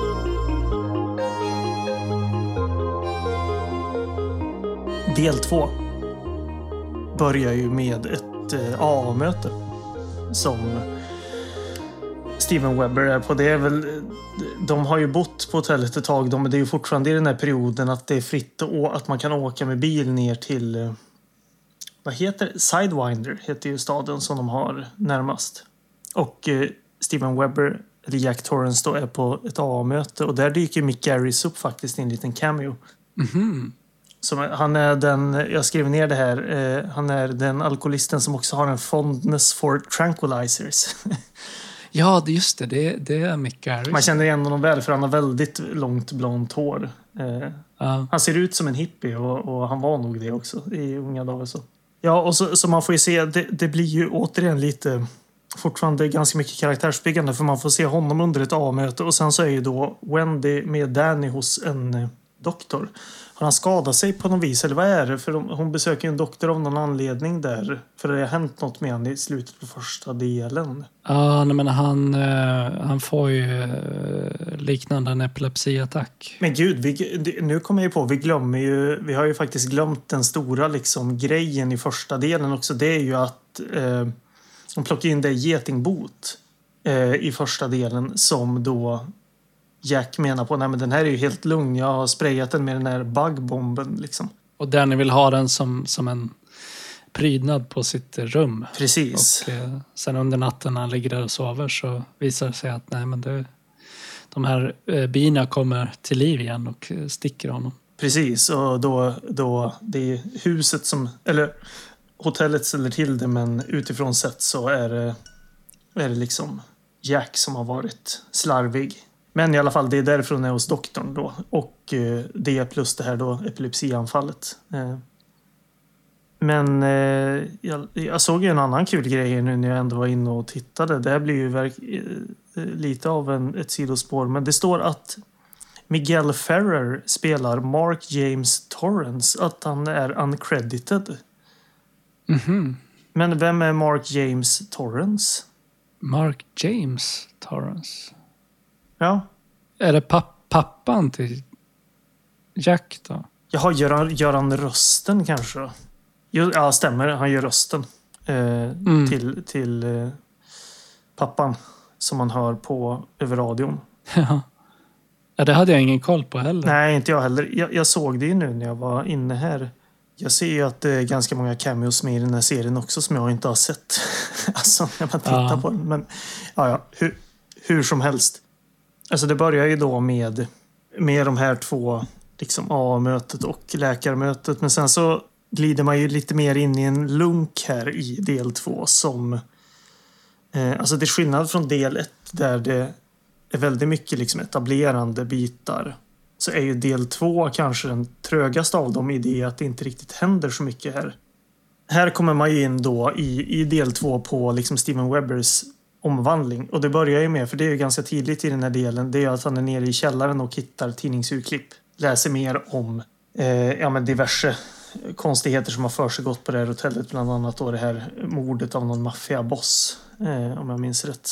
Och vid det här laget så har han ju börjat höra röster i huset och, och liksom börjar ifrågasätta sin, sin egen mentala hälsa. Precis. Eh, och visst är det så att det framförallt är när han hittar de här tidningsurklippen som ska vara någon slags eh, set-off point eller så för att han börjar bli galen.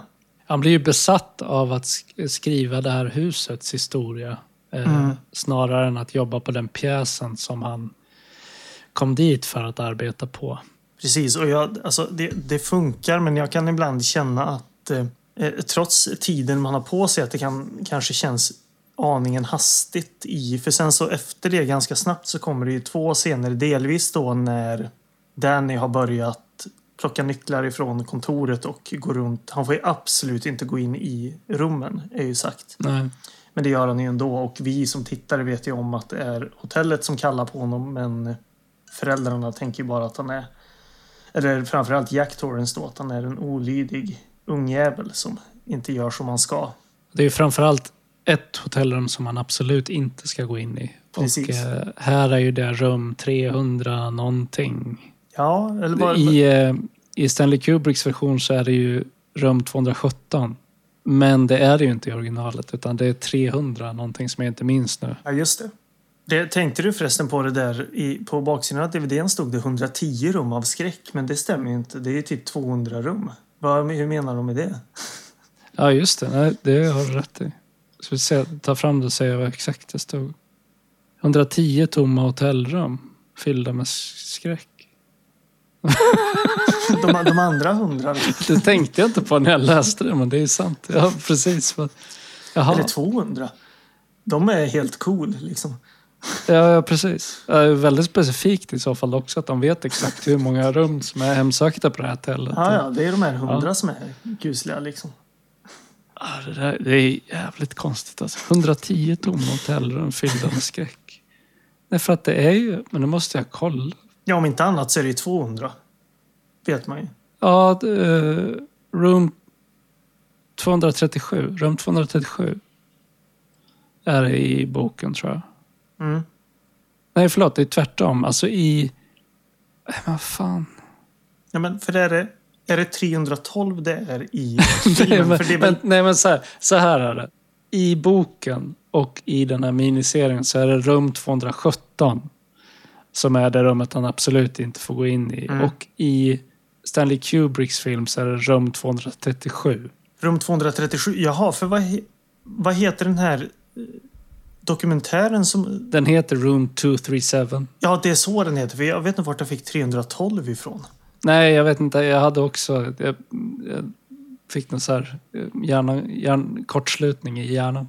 Ja, för det, det är Room 237 som den här dokumentären som kom också. Heter Precis. Jag. Just det. Som också, om man inte har sett den, den borde man se. Den är väldigt intressant. Det handlar om ett gäng personer som på olika sätt har blivit besatta av Stanley, Stanley Kubricks version av The Shining då och mm. nördat in sig fullkomligt på gåtan bakom den här filmen och eh, eh, olika närläsningar av den.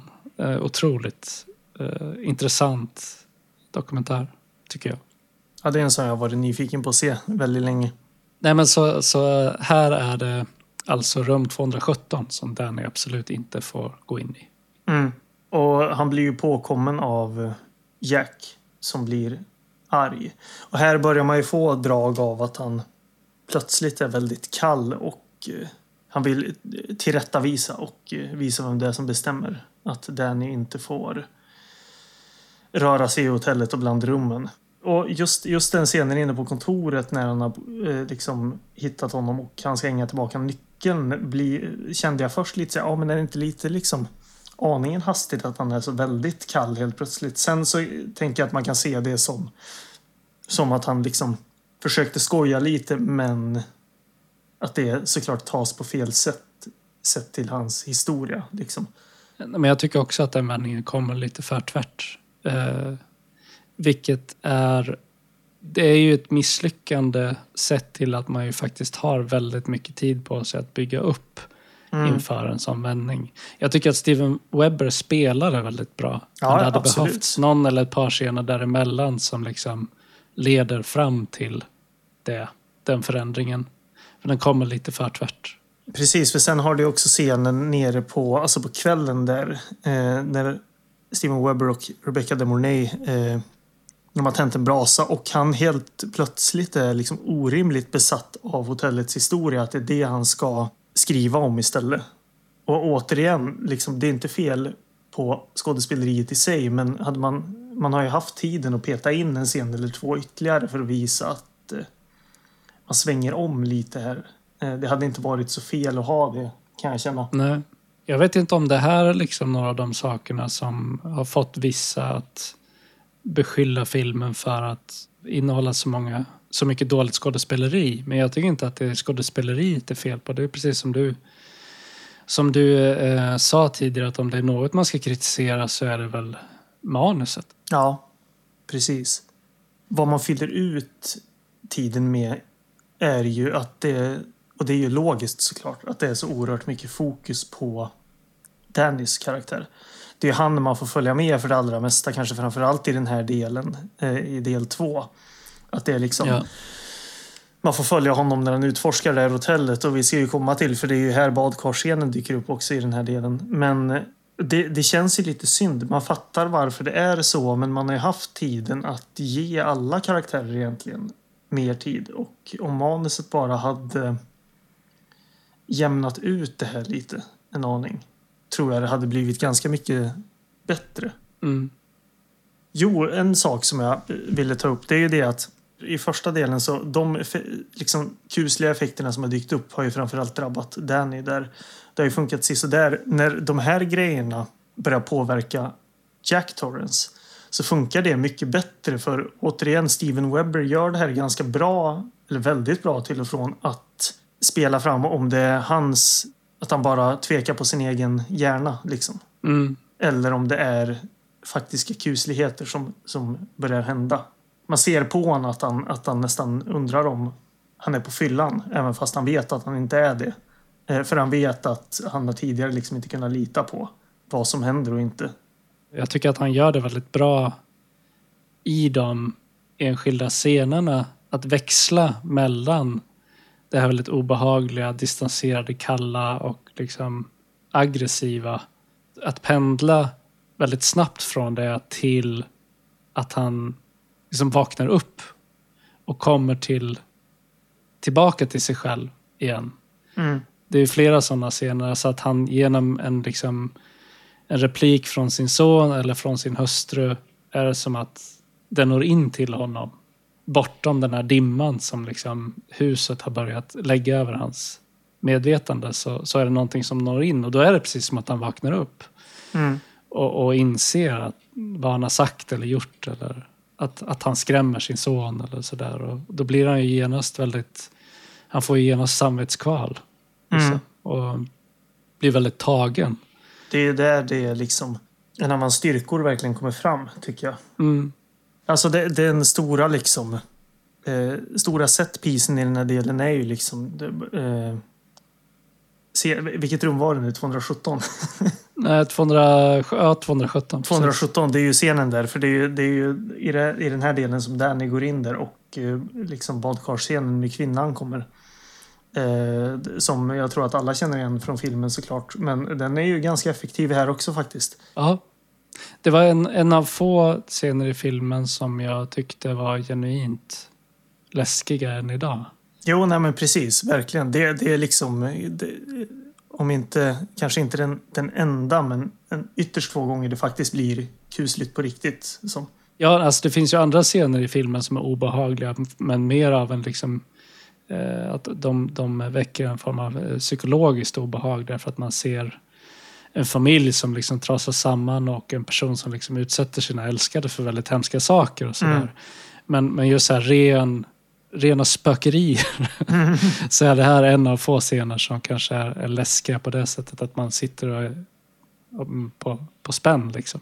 Sen tycker jag som sagt att filmen i, i överlag bygger ganska mycket kuslig atmosfär och sådär men det är mm. ingenting som, som gör att det känns särskilt läskigt förutom kanske då den här scenen. Nej, precis. Jag, när jag satt och tittade så pausade jag för att jag skulle skriva en anteckning. Eh, och då lyckades jag pausa precis första gången man får se den här kvinnan. Då det, det slog mig då liksom att framförallt tack och lov att man inte har gjort någon dataeffekt av det. För, mm. för det har de gjort med andra saker. Det här är ju en ganska liksom, bra smink och så. Framförallt så såg jag hur otroligt äckligt vattnet är som hon ja. ligger i. För det är som att eh, det ser ut som när, när eh, fett i vatten har torkat och det blir som såna här kakor uppe på vattenytan som hon ligger i. Det lägger sig som klumpar på ytan. Ja, precis. precis. Ja. Det är så det ser ut här. Det ser otroligt äckligt ut. Ja. Liksom. Fast då för att det ska vara hud liksom, som har lossnat. Det var äckligt i alla fall. Jag håller med. Det, det, det är lite konstigt därför att så som hon är sminkad för att se monsterlik ut. Mm. Eh, hon ser väldigt liksom, ruskig ut så. Och, och hela den här badkarscenen är liksom väl realiserad på så sätt. Men det är så konstigt därför att det är stark kontrast till i princip alla andra visuella effekter av det här slaget i filmen som är jäkligt taffliga istället. Mm. det är som att man lagt allt krut på den här scenen och sen alla andra masker är bara Ja, det, liksom, jag vet inte om man inte hade några pengar kvar till dem eller vad det är, men de, de ser ju förjävliga ut i jämförelse. Ja, ja, precis. Man la all, all effektbudget på den här scenen för man visste vad det var folk väntade på. Liksom. Ja. Tyvärr, men det här funkar ju i alla fall. Ja. Nej, men det, det känns på ett sätt skönt att du också tyckte att sminket och så, hela den visuella biten i den scenen var, var, var bra därför att det tycker jag också, men eftersom resten av filmen är så ful på så många sätt så Alltså när det kommer till specialeffekterna. Ja, så, ja, ja. så visste jag inte om jag bara inbillade mig eller om det faktiskt fanns kvaliteter i den här sminkningen. Ja, nej men det tycker jag absolut. Eh, ja, för den här delen slutar ju med att man får se de här häckdjuren som, som ja. börjar röra sig som inte ens var en bra idé i boken. Nej. eh, och att man har valt att och liksom, det är ju... Jag kan inte ens tro att, att Mick Garris ville göra det utan det är väl Stephen King som har sagt att det här ska vara med. Liksom. Jag hoppas att det är så i alla fall. Jag, jag läste en intervju med Mick Garris där intervjuaren på ett väldigt så här, eh, väldigt finkänsligt sätt eh, tar upp de här scenerna mm. och liksom säger att ja, nej men det, hur, hur känns det att spela in såna här saker som kanske inte blir riktigt som man har tänkt Alltså typ någonting sånt. alltså att han på ett fint sätt försöker uttrycka att de här eh, de här eh, häckdjuren ser för jävliga ut och ja. hur tänkte ni här? liksom. ja. Men Mick Garris svarade då med att eh, ja, men det här är ju en väldigt viktig scen och det som alla minns från från, från boken The Shining. Så det var klart att du var tvungen att ta med det. Men sen så glider han in på att liksom själv erkänna att ja, men vi, gjorde, vi gjorde eh, så gott vi kunde. Vi, vi la ner väldigt mycket arbete på de här specialeffekterna. Men Mm. han uttrycker som, jag ska faktiskt ner här för jag tyckte det var så kul att han säger att eh, eh, But you have to remember that even by the standards of the time the CGI was shitty. ja, det, ja, det slår ju huvudet på spiken. Det är precis det. Alltså jag, jag, har sett, det, jag har sett få CGI-scener som är sämre än det här. Faktiskt. Det ser, det ser förskräckligt ut. Han har ju rätt i det. Absolut att eh, från boken så är det ju, är ju det en, en liksom scen som man verkligen kommer ihåg. Och i boken så blir de ju faktiskt jagade av de här häckdjuren nerför... Jag har fått, om jag minns rätt nu så ligger hotellet mer på en höjd i, i boken. Eh, och att de blir liksom jagade i den här snömobilen av häckdjuren. Jag tycker att det är en jättefånig idé. Alltså jag, jag vet Ja, inte. ja. Det, det, och det hade de, hade de ju tack och lov inte mer av. De, de, jag tyckte de visade, det kan vi komma till i, i sista delen också, men det är i, så, så illa som det ser ut så hade de lite restraint i alla fall. Ja, Jag var, jag var Jo. rädd för att det skulle bli mer än vad det blev. Ja nej, men alltså, jag tycker att hela... Rent konceptuellt så är det kast med att de ska jagas av de här liksom, levande buskarna. Mm. Eh, för det är inte särskilt läskigt. Men eh, frånsett det så tycker jag att så länge de inte visar dem i rörelse så är scenen ändå helt okej filmad. För då får man bara, det är så här kombinerat med ljudeffekter så är det liksom klipp till djuren och att man ser att de till synes har kommit närmare honom. Liksom Mm. och sådär. Och, och om de bara hade behållit det så istället för att liksom sen glida över till att faktiskt visa dem i rörelse. Då Mm. hade den här scenen ändå funkat, även om det konceptuellt är väldigt fånigt. Så, så det är synd att de, att de introducerade CGI överhuvudtaget. Ja, för det är intressant det där. Det är ju faktiskt två scener i den här delen med djuren. Först så är det ju den du pratar om när Steven Webber är ute och har skottar och sjunger eller vad han gör. Och eh, de har den där... Jag vet inte, skottar eller sjunger. Ja, men eller både och. Han gungar. Ja, just ja, Så, just det. eh, jag tänkte på det. det- Det är liksom amerikaner i vinterlandskap. Då tar man på sig jeansjackan. Liksom det är det tjockaste man har med sig. Ja. Nej, men i alla fall. Då har man ju det där rätt eh, ändå lyckade klippandet mellan att det antyds att de rör sig. Men sen, Mm. det är ju den absoluta slutscenen i de, den här delen så håller ju Danny på att bygga någon, någon snökoja eller någonting och man ser de här djuren smyga sig på honom bakifrån.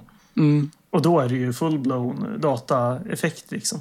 Mm. Men det, är- alltså det är så pass dålig CGI så att om man inte visste att det här var menat att vara buskar som rörde på sig så ser det bara ut som några liksom grunbruna fula fläckar. Som... Ja, jag, jag kan inte riktigt se vilket djur det skulle vara heller. nej, De nej, är så nej. platta och breda. Är det en alligator eller vad är, vad är det för någonting? Det ser, det ser för jävligt ut alltså. Ja, det är inte kul. Att det, är att det där någonsin släpptes i, de, de borde bara klippt bort det där och jag vet inte. Det, äh, Ja, det, det, är inte, det är inte bra alltså. Nej. Till deras försvar så verkar det som att de faktiskt är väldigt väl medvetna om det också. Alltså. Ja, ja, men precis. För jag funderar, det, det var 97. Man, man kan ju nästan inte ta Jurassic Park som, som eh, exempel i och med att den var en anomali i hur bra de effekterna var när den kom. Jo. Eh, när kom eh, vår absoluta favoritfilm Deep Rising som, som har effekter av liknande kvalitet. Eh, 90, 98 var väl det? Eh, för The Mummy kom ju 99. Ja.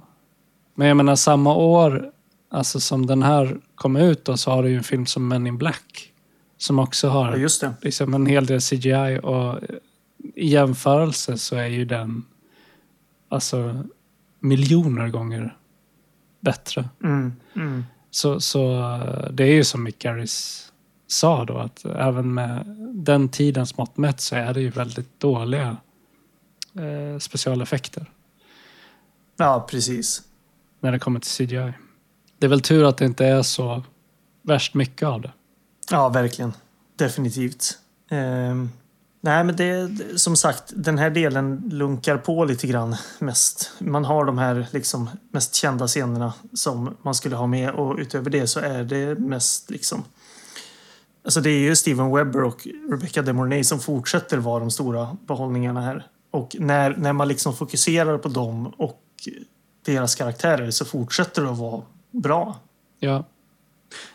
Nej, men det håller jag med. Hon börjar ju liksom märka mer och mer att han beter sig eh, irrationellt och att han eh, faller tillbaka i gamla beteendemönster som, som hon känner igen från när han eh, drack alkohol och så vidare. Hon börjar märka Mm. vissa tics och sånt där som är återkommande eh, hos honom. Och han dricker ju inte för det finns liksom ingen alkohol att tillgå på det här hotellet. Men ändå så börjar han bete sig igen som att han dricker. Och han får liksom vredesutbrott och, och sådär. Man ser ju också på, på honom liksom eh, hur han börjar se mer och mer härjad ut. Han, är så här, han ser liksom ihålig ut under ögonen och ser väldigt trött, liksom, trött och härjad. När man slutar raka sig så är det på väg utför.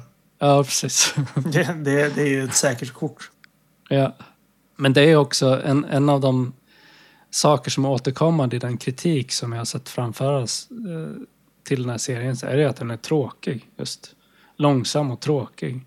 Mm. Och eh, det kan jag tänka mig har att göra med den här mittendelen som är av de här tre delarna så är ju det den svagaste biten. Liksom. Ja, planlöst hade jag skrivit att det känns lite som ibland. Mm. Och det, det är Mm. absolut, det, det är här man känner av att, eh, att man kanske inte hade lika mycket att fylla ut tiden med. Liksom. Mm. Även om, för jag menar, även om det är härlig stämning, bra skådespelare så måste man ju ha något där. Liksom. Och det märks av framförallt här. Ja, alltså för, saken är ju den att när jag tänker tillbaka på, på den här serien och jag minns från den så är jag väldigt svårt att få det att gå ihop med att den är så pass lång som den är. För det känns inte som när jag tänker på innehållet som att det skulle vara fyra och en halv timme långt. Liksom. Eh, och ändå så kan jag inte heller påstå att jag någonsin kände mig uttråkad när jag tittade på den.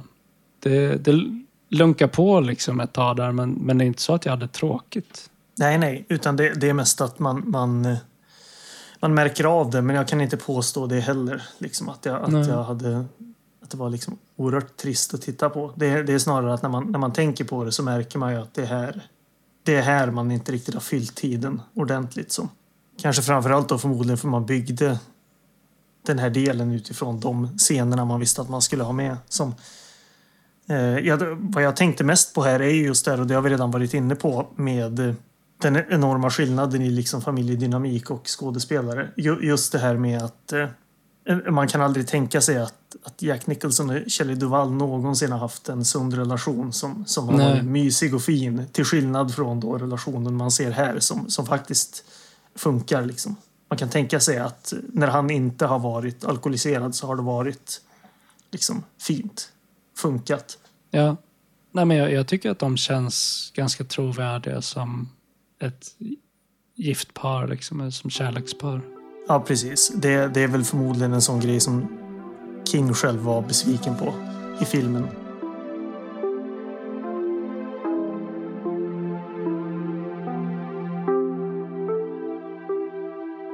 Ja, men ska vi gå över till sista delen då? Mm. Innan vi börjar prata om den så kan jag ju säga att när jag var på jobbet igår eh, så gick jag faktiskt runt och tänkte att jag ser fram emot att se sista delen ändå. Jag tyckte det var, jag såg fram emot det här myset liksom. Ja, Och då tänkte jag att det om något måste man ändå säga är ett, ett bra betyg. Liksom. verkligen. Jag tycker att det är ett bra ord för att beskriva eh, ett ganska stor del av serien är att den är mysig. Den är lite småkuslig och mysig. Precis. Och sen kommer den här tredje delen där som är ganska hemsk. Ja, ja, precis. Så jag vet inte, tyckte du den var lika mysig? Nej, men grejen är att jag, det, det är lustigt det där. För jag, precis i början så har man ju det här. Ja, han ska gå ner i källaren och kolla till den här. Pannan, värmepannan. Ja, pannan, pannan. Mm. Och så säger Rebecca De Mornay och Daniel liksom att ja, men då, då följer vi med då liksom. Och den, då, det är just den lilla stunden tänkte jag, fan vad, det där ser mysigt ut. De går runt i pyjamas här med ficklampa, ska ner. Ja, Sen så det. går det typ en minut bara och han får något utbrott liksom. Och tänker man, ah, okej, det är inte så härligt längre. Nej.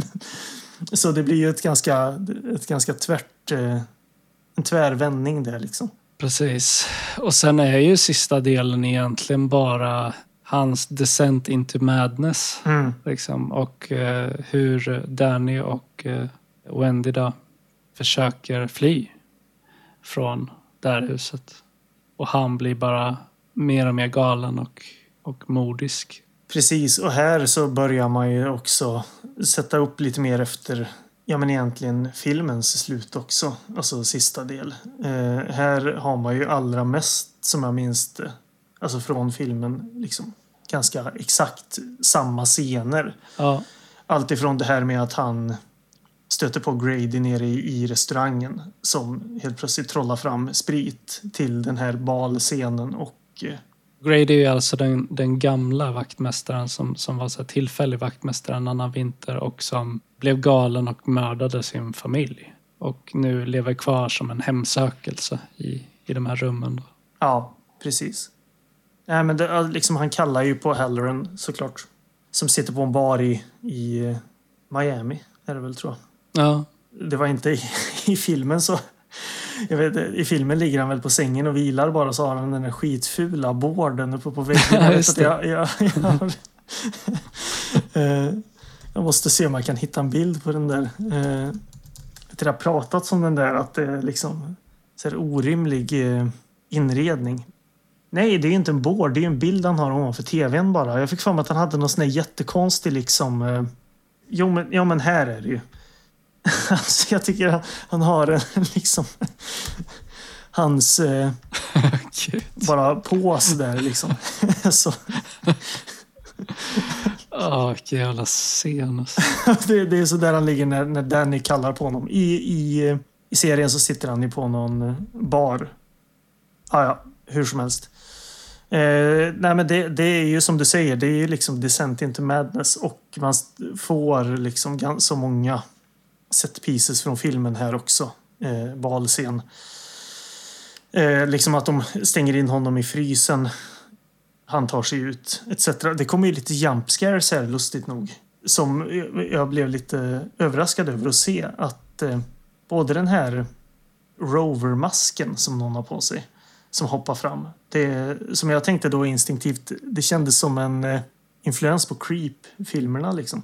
Sättet Ja, man använder den här just det. masken på, hur han som har den på sig liksom beter sig. Ja, Det kändes som något man, man har tagit influens av. Men sen det. också när, när eh, Jack liksom slänger sig över en bardisk så kommer det också en jump scare helt plötsligt som är- var så här överraskande. Liksom. Mm. Ja, alltså vad jag tänkte på här framförallt är det att när de här liksom spänningselementen ampas upp mycket och då också att man, man kommer in i samma lunk som filmen går i är ju att man då också märker att nej, men ser, de faktiska styrkorna som den här serien har ligger kanske på andra ställen framförallt än det här. Mm. Eh, inte för att jag skulle påstå att det är jättekast, men alltså det, det man tycker om den här serien för är ju inte det man får mest av här. Liksom. Nej. Kusligheter och, eh, eller ja, inte kusligheter men liksom rena skräckelement som man försöker sig på och eh, men liksom den här stämningen. Det, det är inte det man tycker mest om och som, som seriens riktiga styrka är liksom. Nej. Vad skulle du säga är seriens riktiga styrka? Ja, Men det är ju liksom den, alltså den allmänna stämningen och eh, skådespelarna och deras karaktärer Mm. är ju det som är, är bäst. Eh, och då, som sagt, vi har ju varit inne på manusets problem. Eh, om man tänker bort det, liksom, utan bara karaktärerna man har här så är det ju de som är bäst. Med Steven Webber som liksom shining star. Precis, och på så sätt så tycker jag att det känns som att serien lyckas eh, med det som det verkar som att de åtog sig att göra Mm. från början. Att det skulle handla om just relationerna karaktärerna emellan. Att, med fokus på den här familjen, med fokus på pappan och hans liksom interna eh, kamp eh, mot de här mörka krafterna i huset och sådär. Och Och det är ju de bitarna med serien som jag tycker är bra. Och jag tycker att den är genuint obehaglig och läskig på slutet när han Alltså när den verkligen så eskalerar till punkten av att, att det blir väldigt brutalt våld. Mm. Och han går loss med den här eh, krocketklubban liksom. Eh, Ja, det är ett par scener där när han smäller till Rebecca de Mornay som är riktigt så Ja, effektiva i att... Hemskt att, eh, alltså. Ja, de har lyckats med att det ser väldigt realistiskt Ja. ut. Liksom. Det gör det. Han verkligen misshandlar henne. Mm.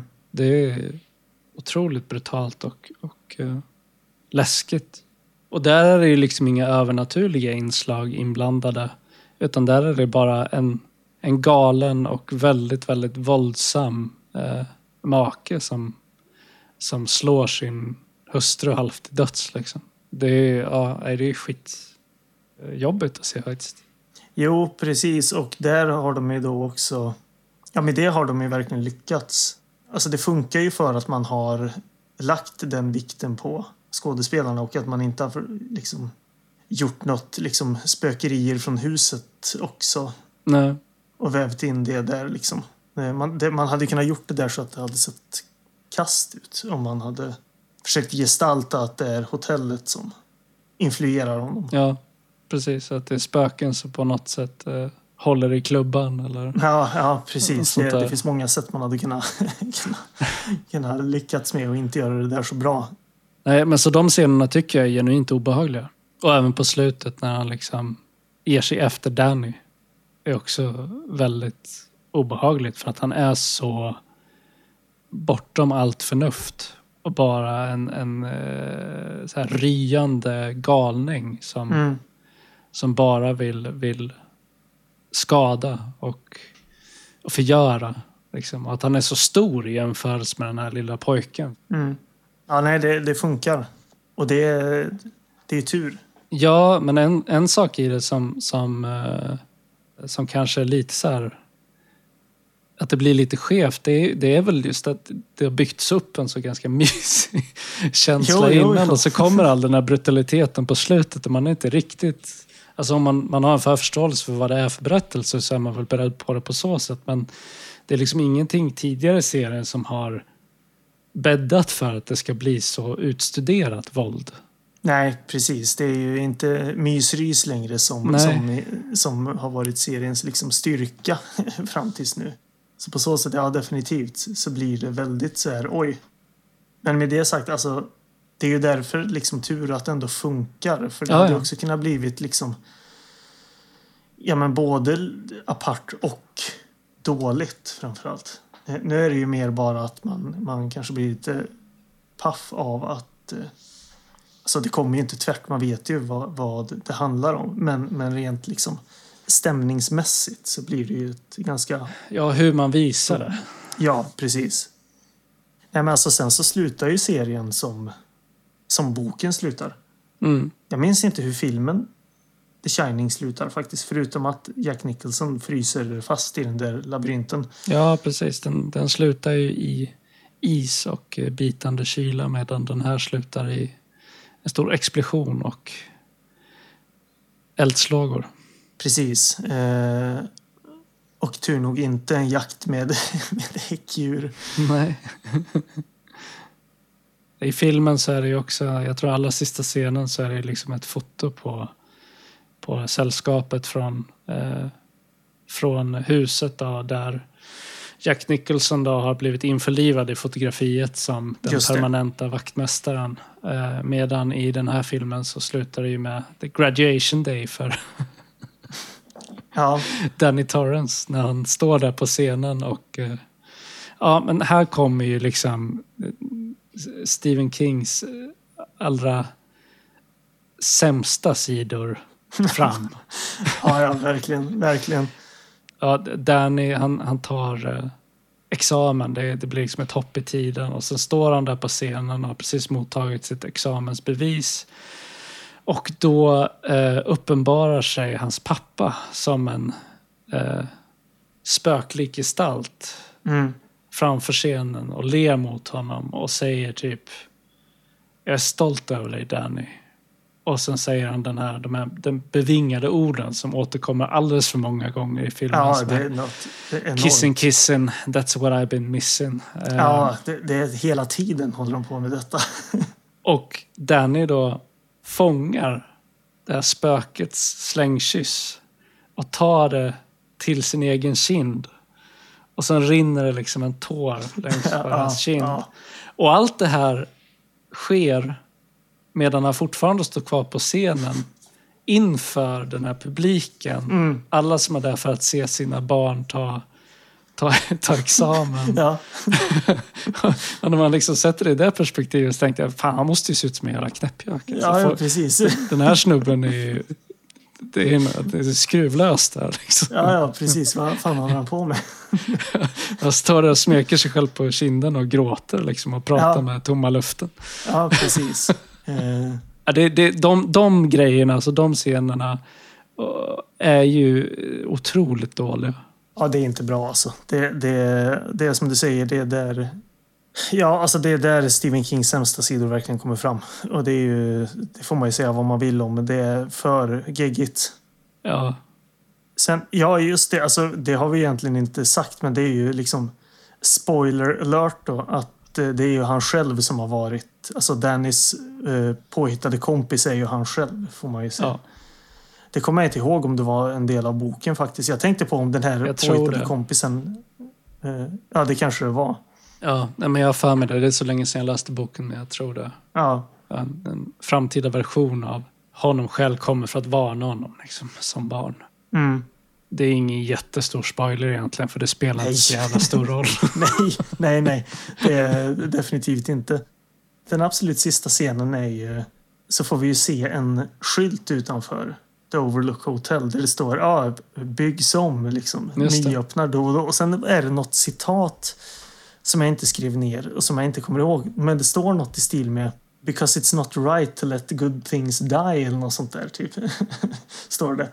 Så det, därför ska de bygga upp hotellet igen. Ja, och sen kom ju uppföljaren till den här för inte alls särskilt många år sedan i och med Dr. Sleep. Mm, Som, som ju eh, också blev filmatiserad eh, och som fick ganska bra kritik. Jag tyckte det var en jävla skitfilm. Ja, ja, jag har varken läst eller sett. Men den var ju intressant på så sätt att, eh, det, att det var så pass spridda åsikter om den. Att folk genuint, liksom, ja, antingen som du säger, tyckte det var en skitfilm eller att väldigt många tyckte den var väldigt alltså, bra på riktigt. Liksom. Ja, nej. Den, den tog fasta på de allra sämsta sakerna i originalberättelsen och utvecklade det. Så plötsligt så finns det liksom hela så här sällskap med människor som har den här eh, liksom varselförmågan. Och de är någon slags liksom Stephen Kings eh, tappning på Marvel-hjältar som bara åker omkring och utövar sina superkrafter. Alltså det är ju så jävla töntigt. Ja, det låter ju noll procent intressant. Nej, jag har inte läst boken så jag vet inte. Den, den kanske inte är sån, men jag tyckte att filmen var sån. Jag tyckte den var, var riktigt dålig. Ja, nej, det är jag, Jag var väldigt besviken på den. jag fortsätter att eh, hålla mig ifrån den då. Ja, Den är ju regisserad av, av den nya Stephen King-ciceronen eh, Mike Flanagan som eh, nu har tagit över den rollen att göra massa Stephen King-filmatiseringar. ja, Han har ju gjort lite ro, alltså ganska roliga såna här eh, offbeat-val med typ Gerald's Game och sådär. Jag har inte sett någon av dem men jag, jag känner till berättelserna. mm, jag har inte sett, eh, alltså jag har ju sett uh, Dr. Sleep där, men jag har inte sett The Haunting of Hill House, alltså ny version av den. Och jag har inte sett den här nya serien Midnight Mass. Nej, Eller nya, jag tror den kom förra året kanske, men jag har varit lite sugen på att kolla om det är någonting att ha, men jag vet inte. jag har hört att eh, Midnight Mass ska vara bra i alla fall. Eller jag har hört även att Haunting of Hill House ska vara bra. Mm. Jag, jag gillar ju originalet, alltså Haunting of Hill House, men den här nya har jag inte sett. Heter den Haunting of Hill House, originalet? Eller är det den som heter... Eh, det finns så många sådana där klassiska spökesfilmer och jag kommer inte ihåg vilken som är vilken. Jag har läst boken Haunting of Hill House. Och eh, även, även Legend of Hell House faktiskt. Som är eh, Richard Mathesons omskrivning. Men eh, måste se, för det finns ju någon som heter The Innocents också. The Haunting, det är ju så den heter ja. Just det. en sån här film jag vill se jättelänge. Jätte men överraskande svår att få tag i. Ja, men jag har sett den. Den är, den är bra.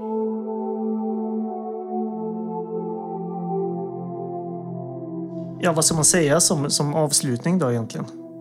Ja, det, det här var ju inte så dumt har jag skrivit. Nej. det, det, är väl, alltså, jag förstår liksom inte riktigt. Eh, eller jag förstår det, men jag kan samtidigt inte riktigt förstå den här viljan som finns att se det här som ett totalt haveri. Det måste vara någon annan ilska som ligger bakom det här totala hatet. Ja, och när jag har liksom tittat lite på det så verkar det ju som att de som liksom kommenterar på det är ganska splittrade. Att vissa tycker att den är väldigt bra, liksom. eh, vilket jag inte heller håller med om. För jag tycker att den har ganska eh, liksom slående eller uppenbara brister som vi har benämnt liksom, bara kommer till manuset och att den stundtals blir väldigt liksom, tårdrypande och sentimental på ett jobbigt sätt. Mm. Men å andra sidan, de som tycker att det är det liksom sämsta de någonsin har sett kan jag inte alls hålla med om heller. För jag tycker att den har kvaliteten när det kommer till liksom hur, hur de spelar sina karaktärer. Eh, då framförallt Steven Webber men också Rebecca de Monet. Där jag tycker att de är helt lysande. Liksom. Mm. Och, och, eh, att det skulle vara dåligt skådespeleri i filmen, det tycker jag bara är så här, då vet jag inte vad det är för serie man har tittat på. Liksom. För det, de har sett något helt annat än vad jag har sett. Och eh, sen att man jämför med filmen och säger att den är liksom misslyckad, att den är väldigt underlägsen film. Och det kan jag hålla med om. Alltså som, vad ska man säga, konstfilm betraktat eller som så här, man pratar om riktig cinema. Mm. Liksom. Mm. Så, så finns det ju sådana tydliga kvalitetsmässiga skillnader mellan Stanley Kubricks film och den här miniserien. Men jag tycker att det är en orättvis jämförelse att göra för jag ser dem så så väldigt olika saker. På ytan är det samma berättelse men det, det, det är helt andra motorer som snurrar under huven. Liksom. Ja, exakt. Och eh, alltså, det finns liksom ingen anledning att jämföra dem riktigt Nej. utöver bara det faktum att man har en sån känd föregångare i filmen. Och den här serien kommer och skulle bli någon slags ersättare. Det, om man bara väljer att se de två som två egna liksom, yttringar så finns det ingen anledning att sitta och jämföra dem heller. Nej. Det kan och får vara så att båda kan vara bra på sina egna sätt. Man måste inte hata den ena bara för att den första var legendarisk. Liksom. Man kan ha två filmer i, i huvudet samtidigt. Eventuellt. Precis. Eh, och sen tycker jag att soundtracket är bra. Ja, det tänkte jag faktiskt på i första delen. Att det kändes eh, äventyrligt på sådär sätt att jag tänkte på typ Stand By Me. Mm. Det här eh, återkommande ledmotivet är, är väldigt suggestivt. Och, Ja, det var det jag tänkte på också. eh, kusligt på ett härligt sätt. Det, det är väldigt mycket bara så här bastoner som liksom glider in och ut ur ljudbilden och sen stundtals återkommer det till samma väldigt kusliga pianoslinga som bara spelas ett par gånger och sen försvinner den iväg också i periferin igen. Sådär. Mm. Så det, jag, jag tycker att soundtracket känns på det stora och hela väldigt återhållsamt och liksom eh, atmosfäriskt. Och så finns det viss, vissa små sådana här melodihookar som, som återkommer och som, som skapar stämning. Mm. Det verkar vara en Mick Garris medarbetare liksom, som har gjort musiken också. Han hade gjort musik till Graveyard Shift men sen Critters 2 och så vidare. Sleepwalkers. Han verkar ju vara en sån här kompositör for hire.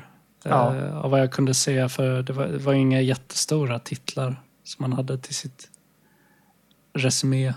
Captain Ron med Kurt Russell. Aldrig sett. Men eh, fan är Kurt Russell med så är det en automatisk trea. Ja, Typ. inte mer än så. Ja, men precis. Precis.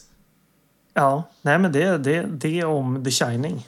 Ja, Absolut sevärd. Det blir inte avskräckt skulle jag säga. Eh, släpp eh, alla pretenses. ja, jag tycker så här att om man skulle råka springa på den här i någon back på Myrorna eller sådär så kan man absolut köpa den och, och kolla på den. Jag tycker den är värd, värd att se. Absolut. Stanley Kubrick behöver inte fler som ska försvara honom. Jag tycker egentligen vi har, eller jag har pratat lite för mycket om Stanley Kubrick i, i det här avsnittet. Jo, men det, vi, jag- vi, vi har ju sagt det tidigare att vi inte skulle prata om, om filmen så mycket. Nu blev det ju så ändå, men det är kanske svårundvikligt liksom. Ja, kanske. Det, man glider lätt in på det. Ja, Han, precis. han tonar ju där liksom i bakgrunden när man pratar The Shining. På många sätt så är han ju liksom lika starkt förknippad med den här berättelsen som Stephen King. I vissa fall nästan mer, känns det som. Ja, ja, ja, precis. Men som sagt, eh, det behövs inte fler människor som, som eh, ska liksom... Sjunga hans lov nu. Nej, det, de finns redan. Det, det är tillåtet att tycka om den här också. Mm. Verkligen. Ja, så får vi se när rännstensrullarna firar halloween nästa år då. Ja, det, det är i september någon gång kanske. Ja. Det är bra. Vad ska vi prata om i nästa avsnitt? Ja, vi, det, det, det blir väl så att vi flyger till djungeln. Ja, vi flyger till Och- vår, vår barndoms djungler. Precis. I hjärnan flyger vi till vår barndomsdjungel och eh, ser om vi känner igen oss många år senare. Mm. Vi har inte helt spikat vilka filmer det blir nästa gång än, men jag tänker att till, till dess att det här avsnittet går live så har vi bestämt oss att vi kan lägga ut det på, på Instagram och på Letterboxd eh, i samband med att vi lanserar den här episoden. Precis, vi har ju märkt det att otroligt vad, vad djungelfilmer det finns, alltså barnfilmer som utspelar sig i djungeln. Mm. Från, från 90-talet framför allt. Ja, men från, från 95 till 2002 typ. Ja, ja mycket, mycket djungelfilm. Jag, inser, jag har också insett liksom hur mycket det har kommit att definiera liksom, min, barndoms eh, filmvärld. Mm. Det är mycket djungler. Ja, ja, det är märkligt, men eh, det var populärt. Ja, vi kanske kan gräva lite i vad, vad det kommer ifrån och hitta några skäl till varför det var så mycket eh, djungelskildringar. Ja, Det blir spännande. Får se vad vi kan gräva fram. Mm. Men tills dess då, så tycker jag att om man inte redan gör det så, så ska man gå in och följa oss i våra sociala medier. Det är Instagram och sen finns vi på Letterboxd. Där vi uppdaterar listor med vilka filmer vi har sett och vilka filmer vi ska prata om framöver. Precis. Till dess så tackar vi för oss och önskar er eh, en eh, fin halloween. Ja, fin och kuslig halloween. Ja, ja men kanske framförallt kuslig halloween. Då kan man eh, titta på The Shining. Stephen Kings The Shining. Ja, den är svår att få tag på bara. Men alltså, om, man, om man nu inte lyckas få tag på den här miniserien, eh, vad ska man se då till halloween tycker du Jonathan? Det första du kommer att tänka på när jag säger halloween, förutom halloween-filmerna. Ja, precis. Man kanske ska... eh, Ja, men man kanske ska se The Lost Boys då. Ja, Nej, fan. Kolla på Maniac Cop. Den såg jag om för ett par veckor sedan. Kanonfilm. Den är, det, är, det är bra grejer. Se den och uppföljaren. Så, så det, blir, det är Rännstensrullarnas tips för halloween 2022. Precis. Maniac. Cop, Ett och två. Ett och två. Ja, det är bra. Vi ses i november. Ja, det gör vi. Då passar det bra med djungler i kylan. Det blir bra. Ha det bra. Ha det bra. Hej då. Hej.